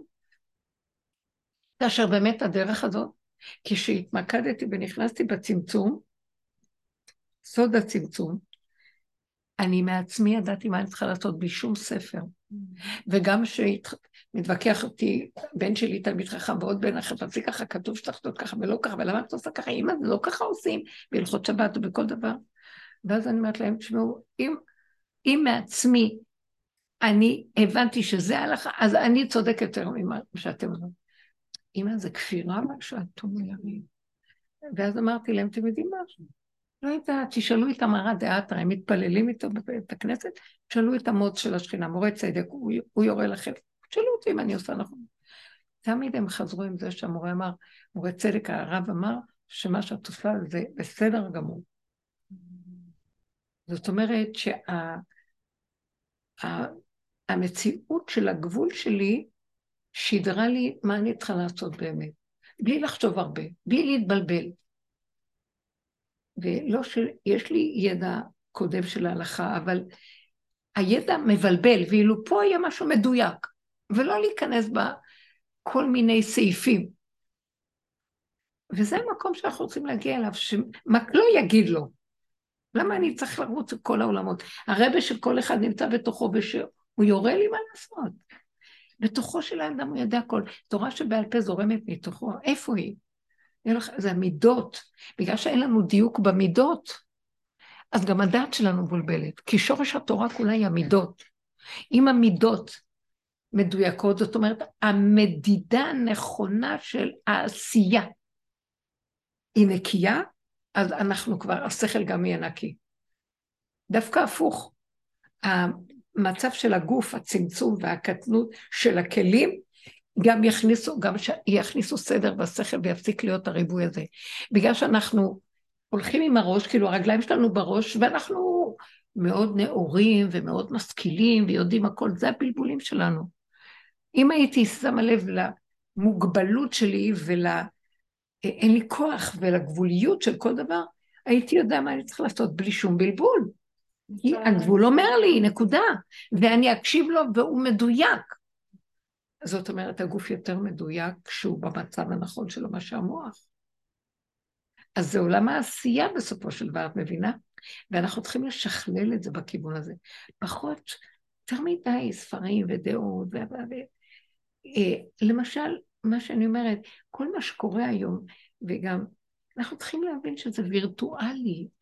שימו לב, זה רשות הרבים, זה עץ הדעת. והמדינה, זה מושג מאוד מעניין, וכולנו אחוזים. זה וירטואלי, אתם לא מבינים שזה וירטואלי? למה זה וירטואלי? זה מושג במוח. אני כרגע אין לי מדינה, אני בקורסה, והמוח שלי יודע שיש מדינה. אף פעם לא יודעת, תפסתם פעם מה זה מדינה? תפסתם? לכן, אין, זה מושג שאני מטפח אותו, ואני אה, נותן לו הבנה והשגה, ועל ידי זה הוא שולט בי. נשים נכנסים למושג, תופסים שם כיסאות, והם שולטים בי דרך זה שאני מאמין למושג. כאילו, שימו לב איזה סכנה זאת. אם הייתי נותן להשם להיכנס במחשבה הראשונית ולא במושגים הווירטואליים, היה הכל ישר מכף רגל עד ראש. סוף מעשה במחשבה תחילה, והכל היה מסתדר. אבל נותן לתכונה הווירטואלית רשות הרבים. כמו למשל גם כן עם ישראל. תקשיבו, הדרך הזאת מביאה אותי לדיוקים מדהימים. אני רואה יותר ויותר, אני לא יודע מה זה עם ישראל כבר. כתוב בכתובים, ויש ספרים שלמים, ותנ"ך, ויש היסטוריה, ואני מתה על עם ישראל, ולא, אני באמת. אבל בסופו של דבר הגעתי למסקנה שאני עם ישראל, אני מדינת ישראל, אני המקדש, אני ארץ ישראל. אני יותר מאמינה לפה, ופה אני נותנת לזה את הגושפנקה. מה שדבר חיצוני שאף פעם לא מגיעים אליו.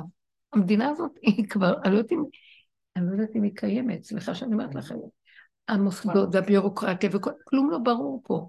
כי זה רק כאילו איזה ציור מוזר, שאיבד שליטה על עצמו, וכאילו יש משרדים וכל זה, והכל תקוע. אי אפשר להוציא אישור אחד שיכול 30 שנה כדי לקבל אישור קיומי הכי פשוט, שבני אדם יוכלו שתהיה להם קורת גג. זה לא נורמלי. אז בינתיים הביורוקרטיה אה, יושבת על כיסא רם ונישא, והבן אדם אין לו קיומיות יומיומית, שקורת גג זה מינימום קיומי, נכון? וככה זה קורה פה, שהתהפכו היוצרות. אני הכלתי את הדמיון והמלכתי אותו עליי, אז מה נהיה פה? אז יוצא שהאדם שהמליך את הדמיון הוא עבד לדמיון, ואין לו, אין חיים. זה בדיוק מלכות פרעה, שאמר להם, שהם בנו לו ערי מסכנות. ממש אה, הלכו לאיבוד בתוך כל המערכת הזאת. אני קוראת לזה ערי משכנתאות.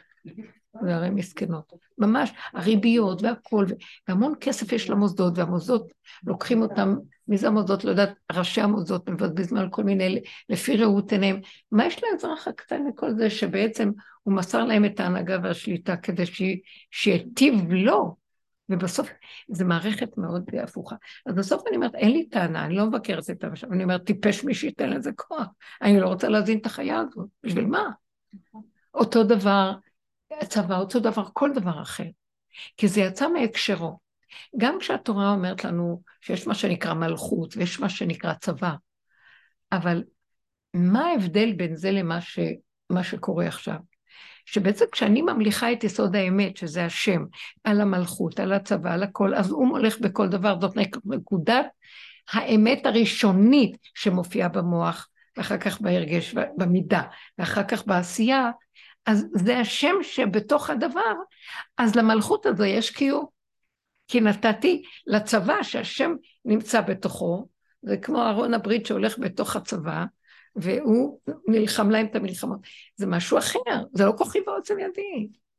זה, זה לא השליטה והדמיון של אה, כוחות ששולטים, שמשעבדים את האזרח עד כדי כך שמפחידים אותו.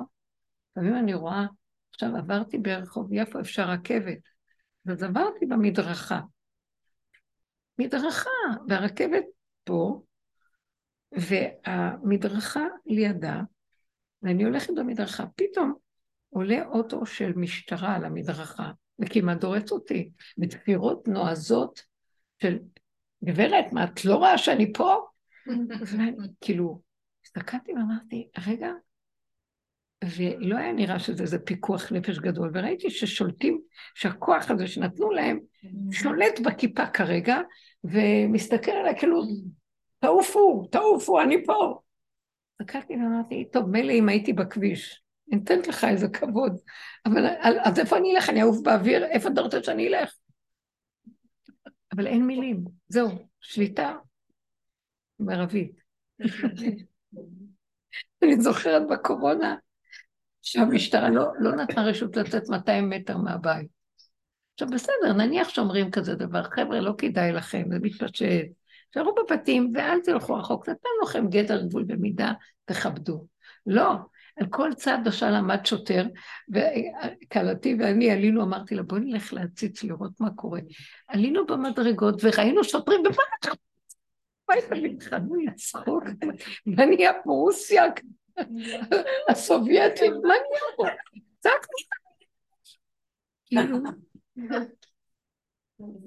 יש לרבינה פיליפות שאומרת שיום בא והעם חכם והמלך טיפש, ורק כשזה מתחלק, העם חושב שהוא חכם, כאילו המלך טיפש, הלך, אדם בטענות, וזה אמור אה, להתהפך בסיפור, כאילו המלך חכם והעם טיפש, כאילו, ברגע שהעם מבין שהוא טיפש. יפה, ככה זה נקרא? כן, שהעם טיפש, וברגע שאני אסכים להיות טיפש, סיפורי והמלך חכם. מעשיות יש בהם יסודות. מדהימים, ממש.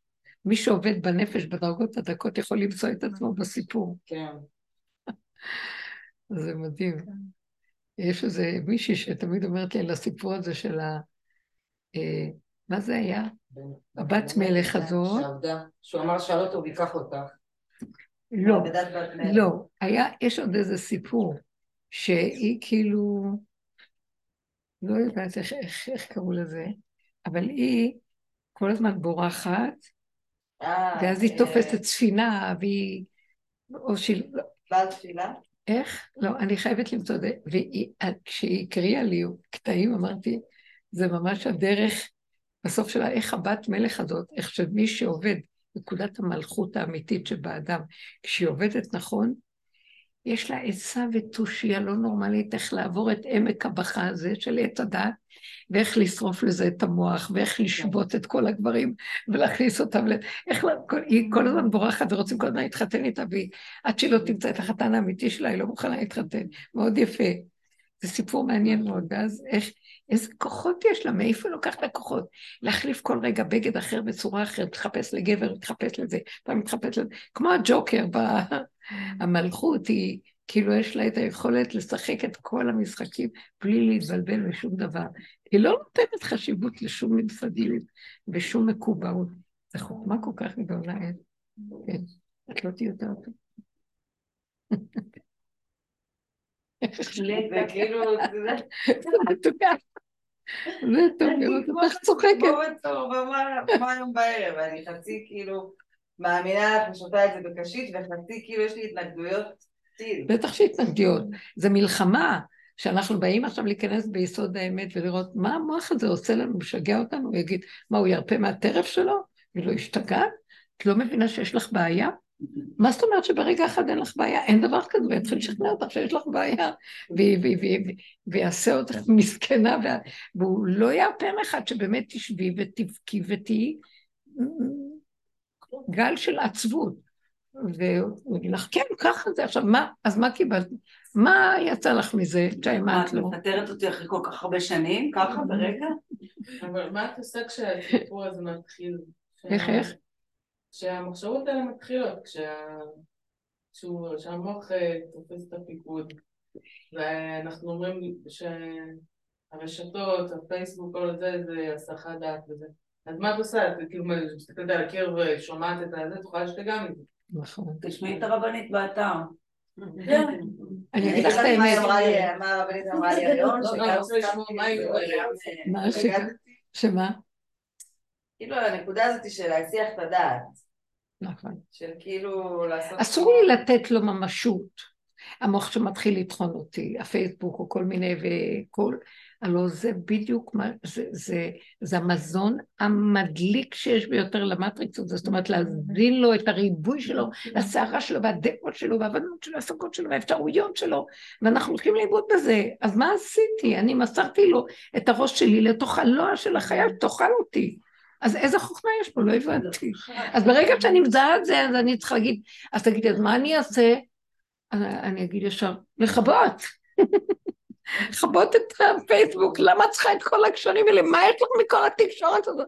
אז אפשר לדבר עם חבר טוב, שאפשר, שאת והוא יכולים ללכת לאותה, אה, לאותו מקור של בוא נעבוד על הנקודה איך להתחזק אחד מהשני, להגיע לתכלית. אבל מה יש לי לפרנס את כל ה... ושמתם לב מה שקורה? הלוא המכשיר הזה וכל התרבות שזורמת דרכו, שזה איזו מראה ענקית של עץ הדעת. איך הוא שואב את האנשים, את הצעירים במיוחד. אין להם כבר, אין להם כלום, כל היום בתוך המהלך הזה. שבויים בתוך זה. אה, אני גם חושבת שיש בזה משהו טוב. מרוב שהקליפה תבלע את עצמה, אתם יודעים מה זה? אז היא פשוט תיפול, אז הוא, בולע את עץ הדת של האנשים, הוא עץ הדת שבולע את עץ הדת. הנחש יעקוץ את עצמו בסוף, זה כל הסיפור פה. רק זוזו הצידה, שזה לא יעקוץ אתכם. כי הראש שלנו באמצע. אבל מה את עושה כשזה מתחיל? מתחיל ישר אני אומרת לעצמי, לא, כשזה מתחיל אני עוד לא מזהה, אבל פתאום נהיה לי מועקה. המחשבות עושות מועקה, אתם לא שמות לב? אפילו הרבה פעמים לא שמים לב. וכאילו מצדיקים את המועקה כי אנחנו מצדיקים את הסיפור, ומה, אבל מתחיל להיות כאב, לחץ, מתח, לא נעים לי, לא טוב לי, אין לי אוויר, אין... ישר שאני מרגישה טיפת מועקה ומצוקה, ואתם צריכים להבין שזה מפעם לפעם, הברומטר ביד שלך למדוד אותו, ולהיות ערנית למצב. אז אני אומרת, לסגור, לסגור, אין שום דבר, אין שום... אני לא מנסה לתרץ את עצמי, לבוא איתו בדין ודברים ולהתווכח, פעם כמובן הייתי עושה משהו. אה, כלום, אפילו, אני רק אומר לו, לך לעזאזל, הוא כבר נהיה מזה, גם כן נהיה לו גדלות מזה. הוא אוהב, כללו אותי, אה, אה, תעשו מה שאתם רוצים, העיקר שתשימו לב אליי. אז גם זה כבר לא. שום, שום ממשות. התייחסות. שום התייחסות, כי הוא גונב את האנרגיה ממני, ומזה הוא מתעלק עליי ומוצץ. אין לו חיות, הוא הלא דמיון. השם שם את עץ הדעת בגן עדן, ואמר להם, אל תאכלו ממנו. אז חווה לי אמרה, אני אם כל חי, אני רואה ילד חולה. מה, אני לא אגש לטפל בו? לא סתם גדרו אותו ועשו עליו מין איקס, אל תיגעו בו. ואני הסתכלתי על הדבר הזה, אמרתי, אז למה, אז היא כאילו שואלת, למה אתה שם אותו בגן בכלל? למה? למה אתה שם את זה בגן? אז אני הבנתי שהיא רוצה לרפות אותו כמו שהיא חושבת שהיא צריכה לרפות, להתייחס, לטפל, ואילו השם אומר לה, את יודעת מה הטיפול שלו? את יודעת מה הבריאות שלו? שבירתו היא תקנתו. לא לגשת אליו, זה הרפואה שלו. כי אז הכוח שמתהווה ממנו, הרוע, אין לו חיות, אז הוא נופל, אז אל תיגשו אליו מלכתחילה. כי אתם מפרנסים לו את המצב הזה. והיא רחמה על המצב שלו, הבנתם? רחמי אכזרי. ואנחנו אותו דבר עושים לילדים שלנו, דרך אגב. בגלל זה האישה... נשים רחמניות בישלו ילדיהן. נכון, שירלה?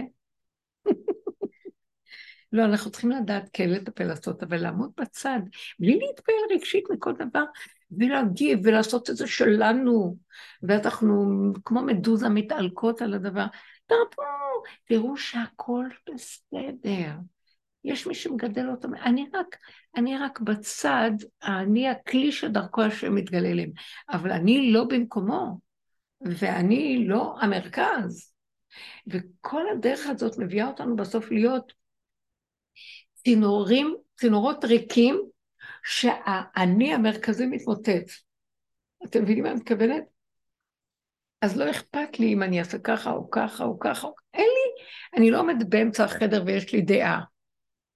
ואז הבעל בורח מהבית, מסכן. לא, כל בני הבית נבהלים, אנחנו יכולות להיות שתלטניות.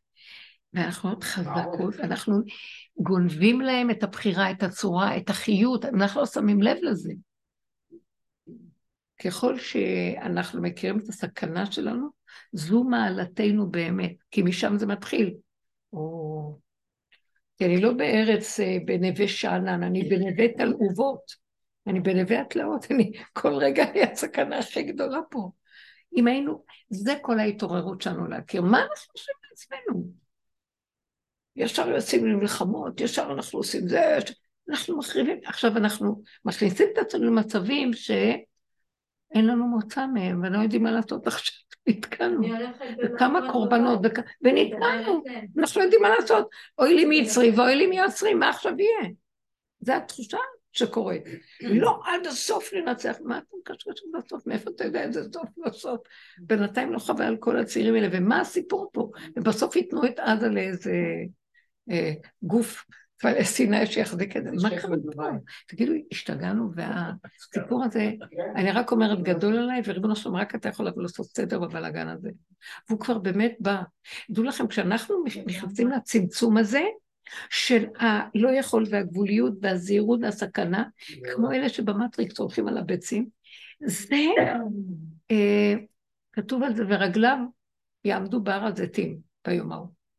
זאת אומרת, הוא כבר ירדה, רגליו יורדות כבר פה, הוא כבר פה, הוא כבר נכנס פה, מרגישים את הנפילות שלו. יש איזה משהו שקורה, שהעם כבר רואה אם יש לו עסק, הוא לא מתערבב, אין לו חשק כבר להתערבב, ויש לו איזה כוח מתוך נקודת האמת שלו, שיקום בלי לשאול כלום ויעשה פעולות. אני אומרת לכם שככה תתחיל מלכות בית דוד. תראו מה אמרתי. יתחילו לעלות על כל מיני מקומות והתיישבו צעירים ויבנו בתים ולא יקשיבו לבירוקרטיה כלום. יתחילו לעשות, כמו שהיום, גם בעזה, אה, מפקדים הם לא מקשיבים למה שהבור אומר להם, הם עושים, כי להם יש, הם בשטח, הם יודעים מה הבשורה, תגידו לנו, כל מיני דברים כאלה. יתחיל להיות מצב שהמעשיות הפשוטה היא האמת, ואל תגידו שום דבר, היא תעשה. אתם מבינים מה את מתכוונת? לא הפלסוף וכל הנעלות של קורי העכביש שיצאו מהקשרם כבר, הם לא יפעלו יותר. וזה כבר יקרה, כי זה יש לזה מהות אמיתית. למה? כי האמת מארץ תצמח ומקימים איתה את השכינה שנמצאת מארץ. השבתם אותי, אני אקים אתכם. ואף אחד לא יוכל לכוח הזה יותר. וזה יתחיל מהעם והאנשים הפשוטים. נכון. שיותר קל להם בלי כל המוח הזה וכל הזה, שמסרו את הסבל ואת בשרם עד זוב דם, שכבר לא נשאר להם כלום. גם בדברים לא קשורים, אני לפחות ככה מרגישה, לא יודעת אם זה דמיון או לא, אבל שאם אני מרוכזת בקטן שלי, דבר שלא קשור עכשיו למלחמה בכלל, ברור. אז שאני זה כאילו משפיע. עושה את העבודה בקטן, שזה משפיע בחוץ. אני רואה שהעבודה הזאת כבר הרבה זמן אני רואה. היא משפיעה. אתם, אתם זוכרים שהיינו עובדים שם בקבוצות שם על ההכלה והשתיקה של הפגם ולא להוציא את זה החוצה ולראות את עצמי ולא את השני. עכשיו השני תמיד, זה נראה כאילו לשעתו, השני רואה אותי פראיירית וחושב שהוא יכול להתגדל עליי כי אני במילא לא עונה ואני נכנעת, אני לא נכנעת, לא, אני נכנעת פשוט לקבל מרחב שתיקה כדי להתבונן בעצמי ולעבוד אז אותו דבר גם כל ההנהגה של נתניהו פה הרבה שנים, זה מין סוג של הכלה והכנעה, שהיא לא הייתה נראית, היא נראית מוזרה, מה, למה הוא נכנע, למה יש לו הכלה כל כך גדולה למצבים, עד שכל השונאים קמים עלינו וכאילו, ומבפנים. זה, זה בדיוק מה שאומר משלעים, רעב שונאך אכילהו לחם, כי גחלים אתה חוטא על ראשו. כאילו, אה, כי זה נראה שהוא משיב לך רעב ואתה אומר, טוב, ניתן לו תנאים יותר טובים, שישכילו יותר, שיהיו יותר זה, אנחנו מטפחים כאילו את השונא, גחלים אתה חוטא על ראשו. כי ההנהגה הזאת של הכנעה, היא לא בדיוק הכנעה לש, לש, לבחוץ, היא הכנעה לכוחי ועוצם ידי שכל המדינה בתחילתה הלכה עם ראש כזה של כוחי ועוצם ידי, והיא הורדת ראש להגיד, ריבונו שלמה, אנחנו תקועים, רק אתה יכול לעזור לנו. בינתיים השני, כי לא ענית, לא חושב שהוא הולך עליך ואתה פראייר שלו. הוא לא רואה את נקודת ההתפתחות הפנימית. ובעבודה הזאת שעשינו, יש מצבים כאלה, אני זוכרת שהייתי שותקת. כי התנהגו לא לעניין, ולא עניתי. כי ראיתי שעכשיו אין לי עניין לסדר מי צודק, לא צודק, ואת מעמדי במצב הזה, אלא רק לשתוק ולהוריד ראש כדי לנצל את זה, לעשות עבודת הכנעה ולגדור את עצמי שאני לא אתן ממשות לכלום בחוץ. והשני היה נראה כאילו הולך ומתגבר עליי ומרים עליי ראש, וגם מתנהג לא טוב, וגם כאילו אני ידי על התחתונה, כשאני בעצם הצודקת וזה לא פייר. והיה לי, היו שעות קשות בדבר הזה. הייתי בוכה להשם. אז כאילו אחר כך ראיתי שהבכי שלי להשם זה, הגאווה שלי לא יכולה לסבול, ש, שהשני ינצל אותה. ובאמת ראיתי, הוא לא מנצל אותך בכלל, את בעצם מנצלת אותו כדי לנגוע בנקודת האמת שלך. הוא רק מספק לך את המזון, מה אכפת לך מה התוצאה שם? ובאמת אחרי כמה זמן, השני מתקפל על ארבע ומודה, ובא אלייך כאילו, סליחה, צודקת, בלי שתגידי לו מילה. וזה כל כך עובד, אבל זה, זה דרך ארוכה שהיא קצרה, במקום קצרה שהיא ארוכה. וצריך סבלנות לדרך הזאת, דרך האמת, דרך האמונה, רבו שריה אומר, ראש האמונה זה סבלנות. כשאנחנו מגיבים מהר, ולא, זה לא טוב, זה לא נכון לעבוד ככה. זה כאילו נגנב, ואנחנו עוד פעם מהר חוזרים. סבלנות, תראו, אתם קונים את, את המהלך הכי נכון של החיים שלכם. וזה דרך אמת. והעולם הולך הפוך. גירוי תגובה ומהר וקצר ואין סבלנות, ורוצים מיד לנצח, ואנחנו הגדולים, ואנחנו... ילדותי, זה טיפש. נשים עם תפקידים, גם נגיד עורך דין, מורה, אז אומר לך, מה, אני שנים במקצוע, שנים אני הורה, שנים, את תגידי לי, זה הבן אדם כל כך שם על עצמו, יש לי בית, יש לי אישה, אני חכם, אני... הוא לא מבין שאין לו כלום. אין לו כלום. כלום, לא ח... אין לו כלום, אין לו, אין לו כלום, זאת אומרת, קח לו את ה... אני עורך דין, אני מנוסה, ואת בלי תעודה. בלי תעודה. אנחנו גם שמים על האחרים את כן. כל המשמעות הזאת, ולפעמים יש מצבים שאני רואה ששמים עליי, כאילו, מגדילים מה, אותנו. בגלל שעכשיו אני, לא יודעת, רכזת הפרויקט, אז עכשיו יש לי יותר אה, ראשים שאני אחראית עליהם, אז אני יותר, פתאום את מסתכלות, מה זה, מה זה הש... כי יש לך השקר? נקודת אמת, כי את רואה את זה, אבל אחרים אומרים, אדרבה, כן. זה, זה גם, אני, כשאני מסתכלת על ההודעה ששלחתי ואומרת, יואו, מה שלחתי, איך שלחתי, או מסתכלת על מישהו, כאילו, מה, זה כמו אשת לוט כזה, כאילו, כן. מסתכלת אחורה, הופכת לנציב מלח, וכאילו, ברגע זה הכתרתי את הבן אדם שמולי או מעבר על המסך, הכתרתי אותו למלך, לשוטר של המדרכה, לעורך דין הזה, ונורא, נורא קשה לי, אני יודעת כי- את זה. כי אין לך ברירה, את. מבינה? זה מה שכאן קרה. היא אמרה, אני עוזבת את כולם, לא הולכת על המערכת הזאת. את אומרת, אין לי ברירה, אני בתוך המערכת, צריכה לתפקד כמוה, אבל לפחות אני יודעת שהיא שקרית, ואני יודעת שזה מוזר מה שקורה פה. ויש מקומות בעבודה האמיתית שאנחנו מתמידים בהם, שאין משוא פנים בדבר, אי אפשר להמשיך לשקר למסוף. אי אפשר לחיות בכל מיני משרות עם תודעת שקר, כאילו אנחנו יודעים, אבל אנחנו איכשהו משחקים אותה. יש מקום שעושים את זה עד לגבול מסוים, ויש אחר כך איזה מה שאומר, אי אפשר, אני לא יכול לעשות את הרמייה הזאת בנפשי. אז זאת אומרת, לא, אבל זה הפרנסה שלי, זה מה, החשבונאות.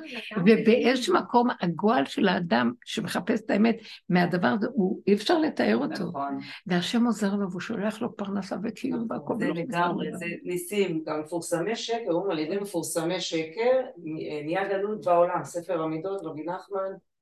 הפרסום שקר, אתה מאוחד, ההוא מגניב, אין כמוך, כל הזמן ההדרה הזאת, זה באמת מה שאת מרגישה, זה כאילו את אומרת, יואו, אני כולה מנהל פרויקט, תנו לי לעשות את העבודה, ללכת הביתה. לא, על הבמה, שאני באמת, אני מופיעה הרבה ויוצרת, וזה מין משהו שהוא, שהוא, אתה צריך להיות עם ה... כל פעימת לב, להיות עם ההתבוננות הזאת, עם המבט הזה, עם העבודה. הוא באמת, הוא באמת רוצה שאנחנו, הוא אמר. כי בהתחלה היינו אומרים, הוא רוצה שאנחנו לא נעזוב את העולם. הוא לא רוצה שנשמים את העולם ולא נהיה בעולם. הוא רוצה שכן נפעל, אבל הוא רוצה שנפעל בקטנה ובגדר של, שלא נאבד את האמת. עכשיו, יש תקופות שבאמת עוד אפשר לעשות את זה, יש אחרי זה כשמתדייקים יותר ויותר, זה כבר נעשה בלתי אפשרי. ואז הוא אומר, בואי, אני אפרנס אותך. אפשר, הוא ייתן לך משרות אחרות, הוא ייתן לך אפשרויות אחרות. כי אי אפשר, אי אפשר, אתם מבינים? זה מה שהוא אמר. אני הוצאתי אתכם ממצרים לעשות אתכם לי לעם, ואתם תהיו ממלכת כהנים וגוי קדוש, סוג של אנשים שלא צריכים לדאוג לפרנסה שלהם. לא הבאתי אתכם פה לסדר לכם פרנסות, הבאתי אתכם שתעבדו אותי, שתחפשו את האמת, ותמליכו את נקודת האמת כאן בתוך העולם, ותצילו את העולם, ואני כבר מפרנס אתכם, זה שלי, הפ- הפרנסה שלכם עליי, אבל אנחנו הפכנו את היוצרות. האני רץ, כל היום דואג על החיים שלו, צריך לפרנס את החיים שלו, והשקר גואה על גדותיו, והוא מוכר את נפשו לכל שמכביר מכביר במחיר, ומכר את חייו לשקר ולכזב, ויש לו כסף, אבל מה הכסף מועיל לו? בסוף, מה, אין לו אפילו, הכסף הזה אין בו ברכה. אין. כן. אני השם יחזיר אותי לבמה. לא רוצה לשיר, לא רוצה לשיר, לא רוצה לשיר, לא רוצה במות, לא יכולה לסבול את זה יותר. הייתי כילדה כל יום על במה. אני ראיתי איך השם לוקח לי את הראש, תעמדי פה. אני ישיר, אני אעשה, ואני מרגישה שאני לא עושה, אני לא עושה כלום, אני באה לבמה יחפה, עם בגדים פשוטים, ווואו, כאילו, אני חושבת שוואו, אותו דבר בקליניקה, זמרת, אותו דבר זמרת. בקליניקה, לא יודעת לרפות, לא יודעת שום דבר, לא יודעת מהבשר שלי, שבן אדם יכול לחיות. אם הוא נושם, הוא יחיה. כאילו, אם אתה נושם ורוצה, אפשר. לא יודעת אבל אפשר. אז דרכך זה הוא עובר. מגלה לי, אני לא יודעת, זה כל פעם מתגלה, אני לא יודעת, אני באה לא יודעת, אני לא יודעת, אני באמת לא יודעת. מה, אספק אותה יודעת? אני סתומה בלמות, כאילו, בואי. אני אני מכירה אותה, כאילו, יש לי תעודות, לא יודעת משהו. אני מכירה אותה לפני המון שנים, אתם לא מבינים איזה מהפך. וכן, זה 360 כזה, לא רוצה לחיות יותר, אני שנאתי את זה, לא רוצה לחיות. כן, כמו שאת סיפרת אחרי המחלה, זה כזה וכפולות. די, די, די, יש רגע שאתה אומר די, על מי אני עובדת, שאני אימא ומכינה, ועל מי אני עובדת, אני גמורה מתה, לא בא לי על כלום. איזה שקר, יאללה לשטוף את הבית, יאללה, נראה? ומתכבדת, לא שותפת ולא... ס- יש איזה רגע כזה שאת מוכרחה להיות אה, הדחליל בגינה. ככה עומדת כל הציפורים, יאללה. זה אומץ גדול, כן, היא הגיעה לגבוליות לא, מאוד גדולה. לא, רק בגבול כן. הזה חוזרים לאמת, רק כן. שם מתגלה האמת. וצריך אה, כל אחד והמקום איפה שהוא, לפי היכולת כן. שלו, כן. כל אחד יש לו את הבחינה שלו, את בתוך המקום שלך, בבחינה שלך, זה יקרה. אבל באמת התמדה, זה לא נגמר, זה לא נגמר. זה בטח לא שלא. גם אל תעופי על עצמך. נראה לך שלי לא נופלת, תקטוש אותי מחר, עוד שנייה יקטוש אותי. היא נכנסה אליי הביתה, איזה בוקר היא התפרצה עם שיער כזה וג'ינס צמוד, ובעלי מסתכל. כן. הרבנית הבאתי לך, היא הייתה הולכת עם מטפחות קשורות, צדקת של צפת, מה זה הייתה? לא רוצה להיות. חמודה. והוא הסתכל עליי, מי זאת? אמרתי לו, מה זאת אומרת, היא המורה שלי. חמודה. הפוך על הפוך הכל. הרבנית, שאלה לגבי בעבודה, אם ההצטמצמות היא מתוך אה, גם מאבק, הרבה מאמץ. עם מה? אם ההצטמצמות מההתרחבות עם הרבה מאמץ, בטח שזה מעמד. אבל המאמץ הוא גדול מדי, זה אמור, כאילו איך שאת מתארת את זה, זה איזושהי נקודה של, כאילו הנ- הנקודה של העונג גדלה, או שזה תמיד אותו מאמץ? ההתאמנות מייצרת את זה. אני לא יודעת מה זה המילה אור. זו מילה מאוד גנובה. אני יודעת שנהיה לי רגע של שפיות ורגיעות, בשבילי זה אור. שהצמצום עושה שקט, שלווה. במקום כל הטחינת מוח, במקום כל החרדות, במקום כל המלחמות והמאבקים, יש שקט. את מוותרת על השיגעון של הגדלות ולא נלחמת יותר, אז שקט לך. זה בשבילי אור. מה אנחנו מחפשים אורות בשמיים? אנחנו מלאכים? הוא ברא בני אדם שישבו בגן עדן התחתון. זה היה, גן העדן שהאדם הראשון היה בו, היה בתוך ארץ ישראל. ליבו של גן העדן הקדום הייתה ארץ ישראל, המרכז. זה היה חיים פה בפיזי, אבל דקים יותר, עדינים יותר, לא מגושמים כל כך, לא בעיות ולא... היה כיף. על מי מנוחות. אוכלים ושותים ונהנים, והעיניים רואות והאוזניים שומעות והאף מריח, הכל חי ותוסס, ולא מתים מהלכים עם איזה ריחוף וכל מיני אה, מצוקות בנפש, מחשבות טורפות. אז אנחנו בסך הכל רוצים לחזור למקום הזה. אז כדי לחזור לזה, פשוט להתבונן ולראות למה אני מלאת מחשבות, למה אני במצוקות, למה אני סוערת ובוערת, למה אני בכאבים, למה... זה הכל שקר. וככל שאני רואה את זה, יש תהליך שאנחנו עוברים אותו, אבל לאט לאט לאט אנחנו מאבדים כבר את החשק לרצות לחיות ככה.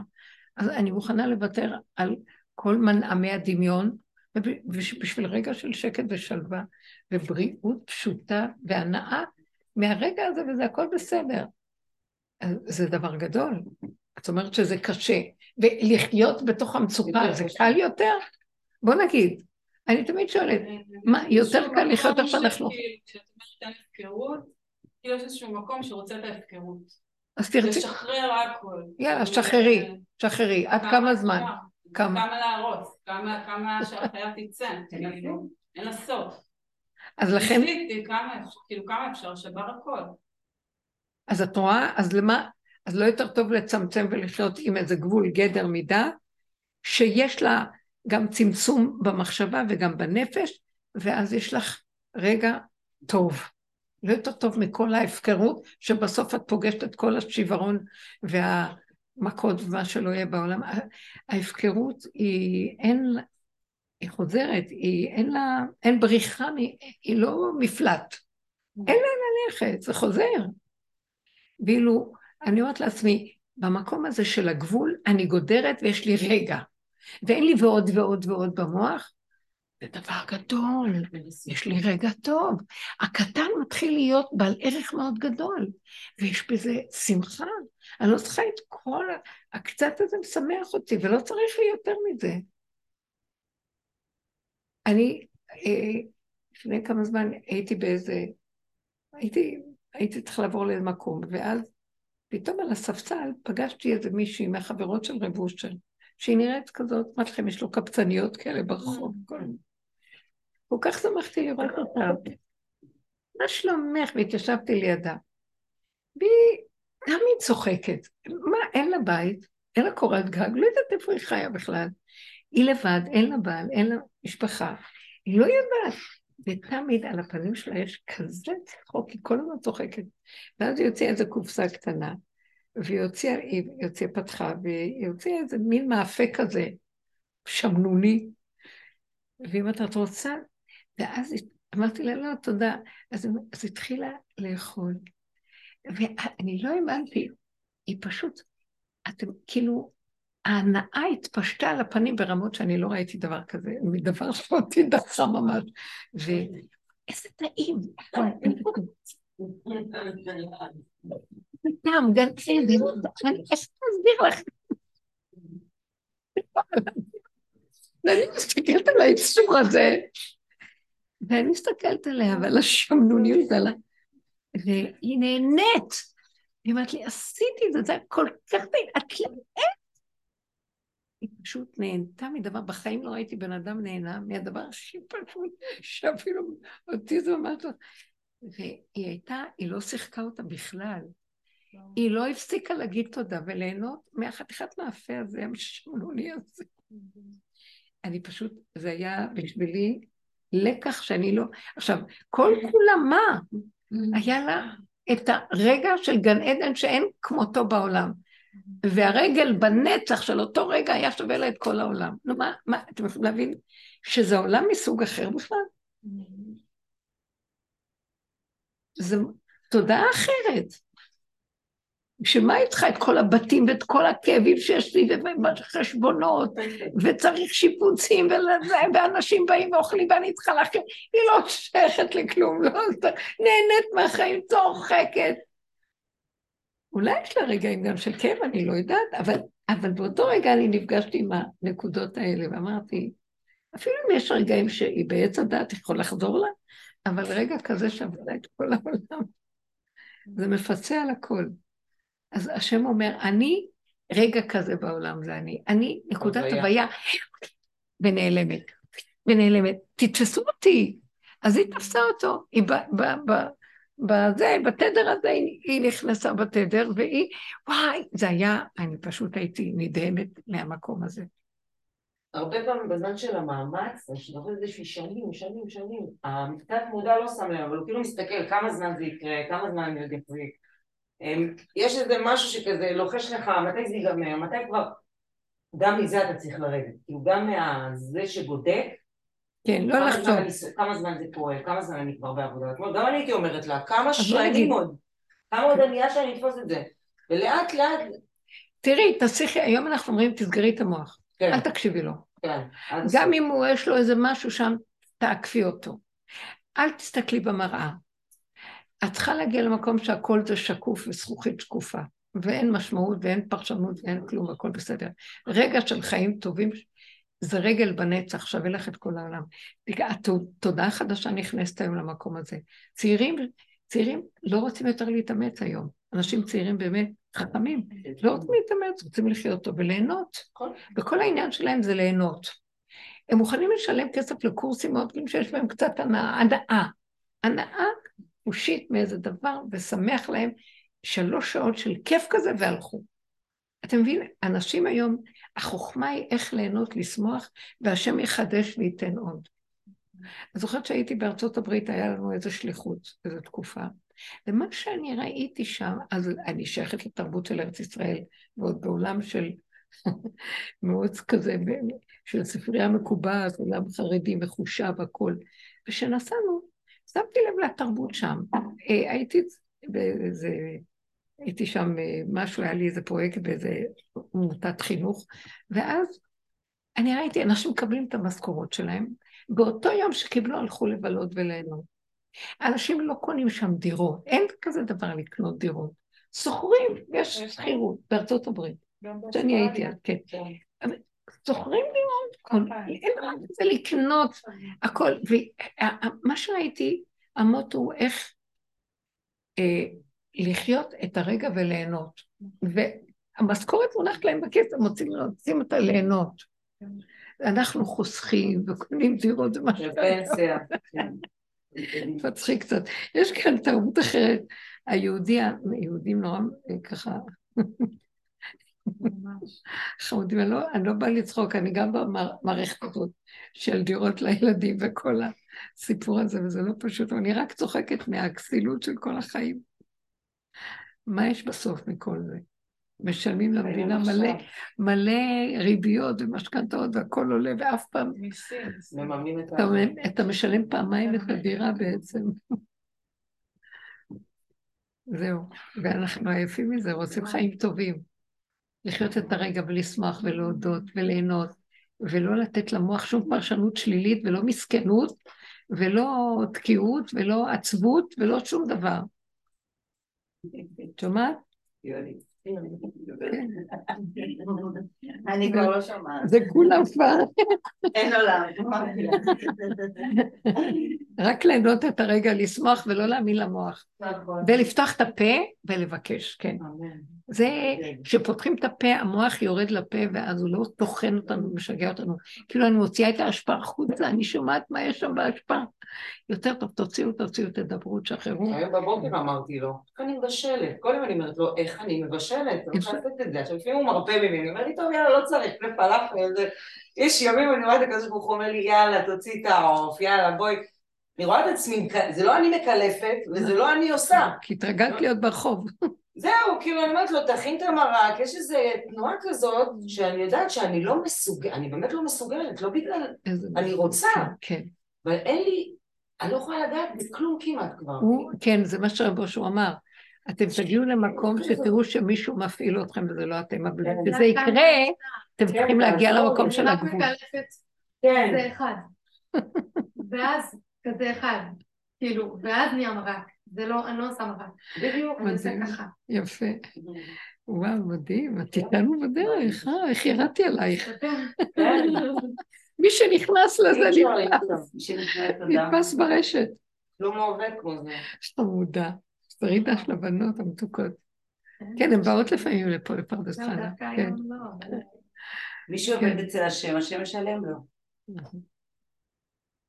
אני, תראו, זה המקום, הוא אמר ככה, אני בראתי עולם, אה, לכבודי בראתי, יצרתי ועשיתי את עולמי, כדי שאני אתגלה בו. אתם סילקתם אותי ואתם הולכים עם האני שלכם ומנהלים אותו. כל התכלית וכל התשובה האמיתית, תחזירו אותי לעולמי. אז תמ- תמעיטו את האני הזה ואת כל הדמיון שלו, ותתחילו לראות שאני כאן בעולם מזמן. גם אני תמיד נמצא פה, אבל האני שלכם מדמיין שזהו. אני השם ואתם חושבים שזה אתם. אז שהאני הזה ייתן להם גם את הפרנסה. הוא יסדר לנו הכל. לא, אני אומרת, אם אתה עובד אצל השם, הוא נותן לך. זה אני ככה רואה. כשאתה עובד, אתה עובד, אז גם תדאג לפרנסה שלך. נכון. הכל עליך. אז תרים את השק ותלך מאוד. תודה רבה לכם. תודה, תודה. הכל, תודה. אני יפה. אני לא אוהבת להיות רק אני, אני אומרת, שכולם, פלאפ, שיפה ששכר מדהים.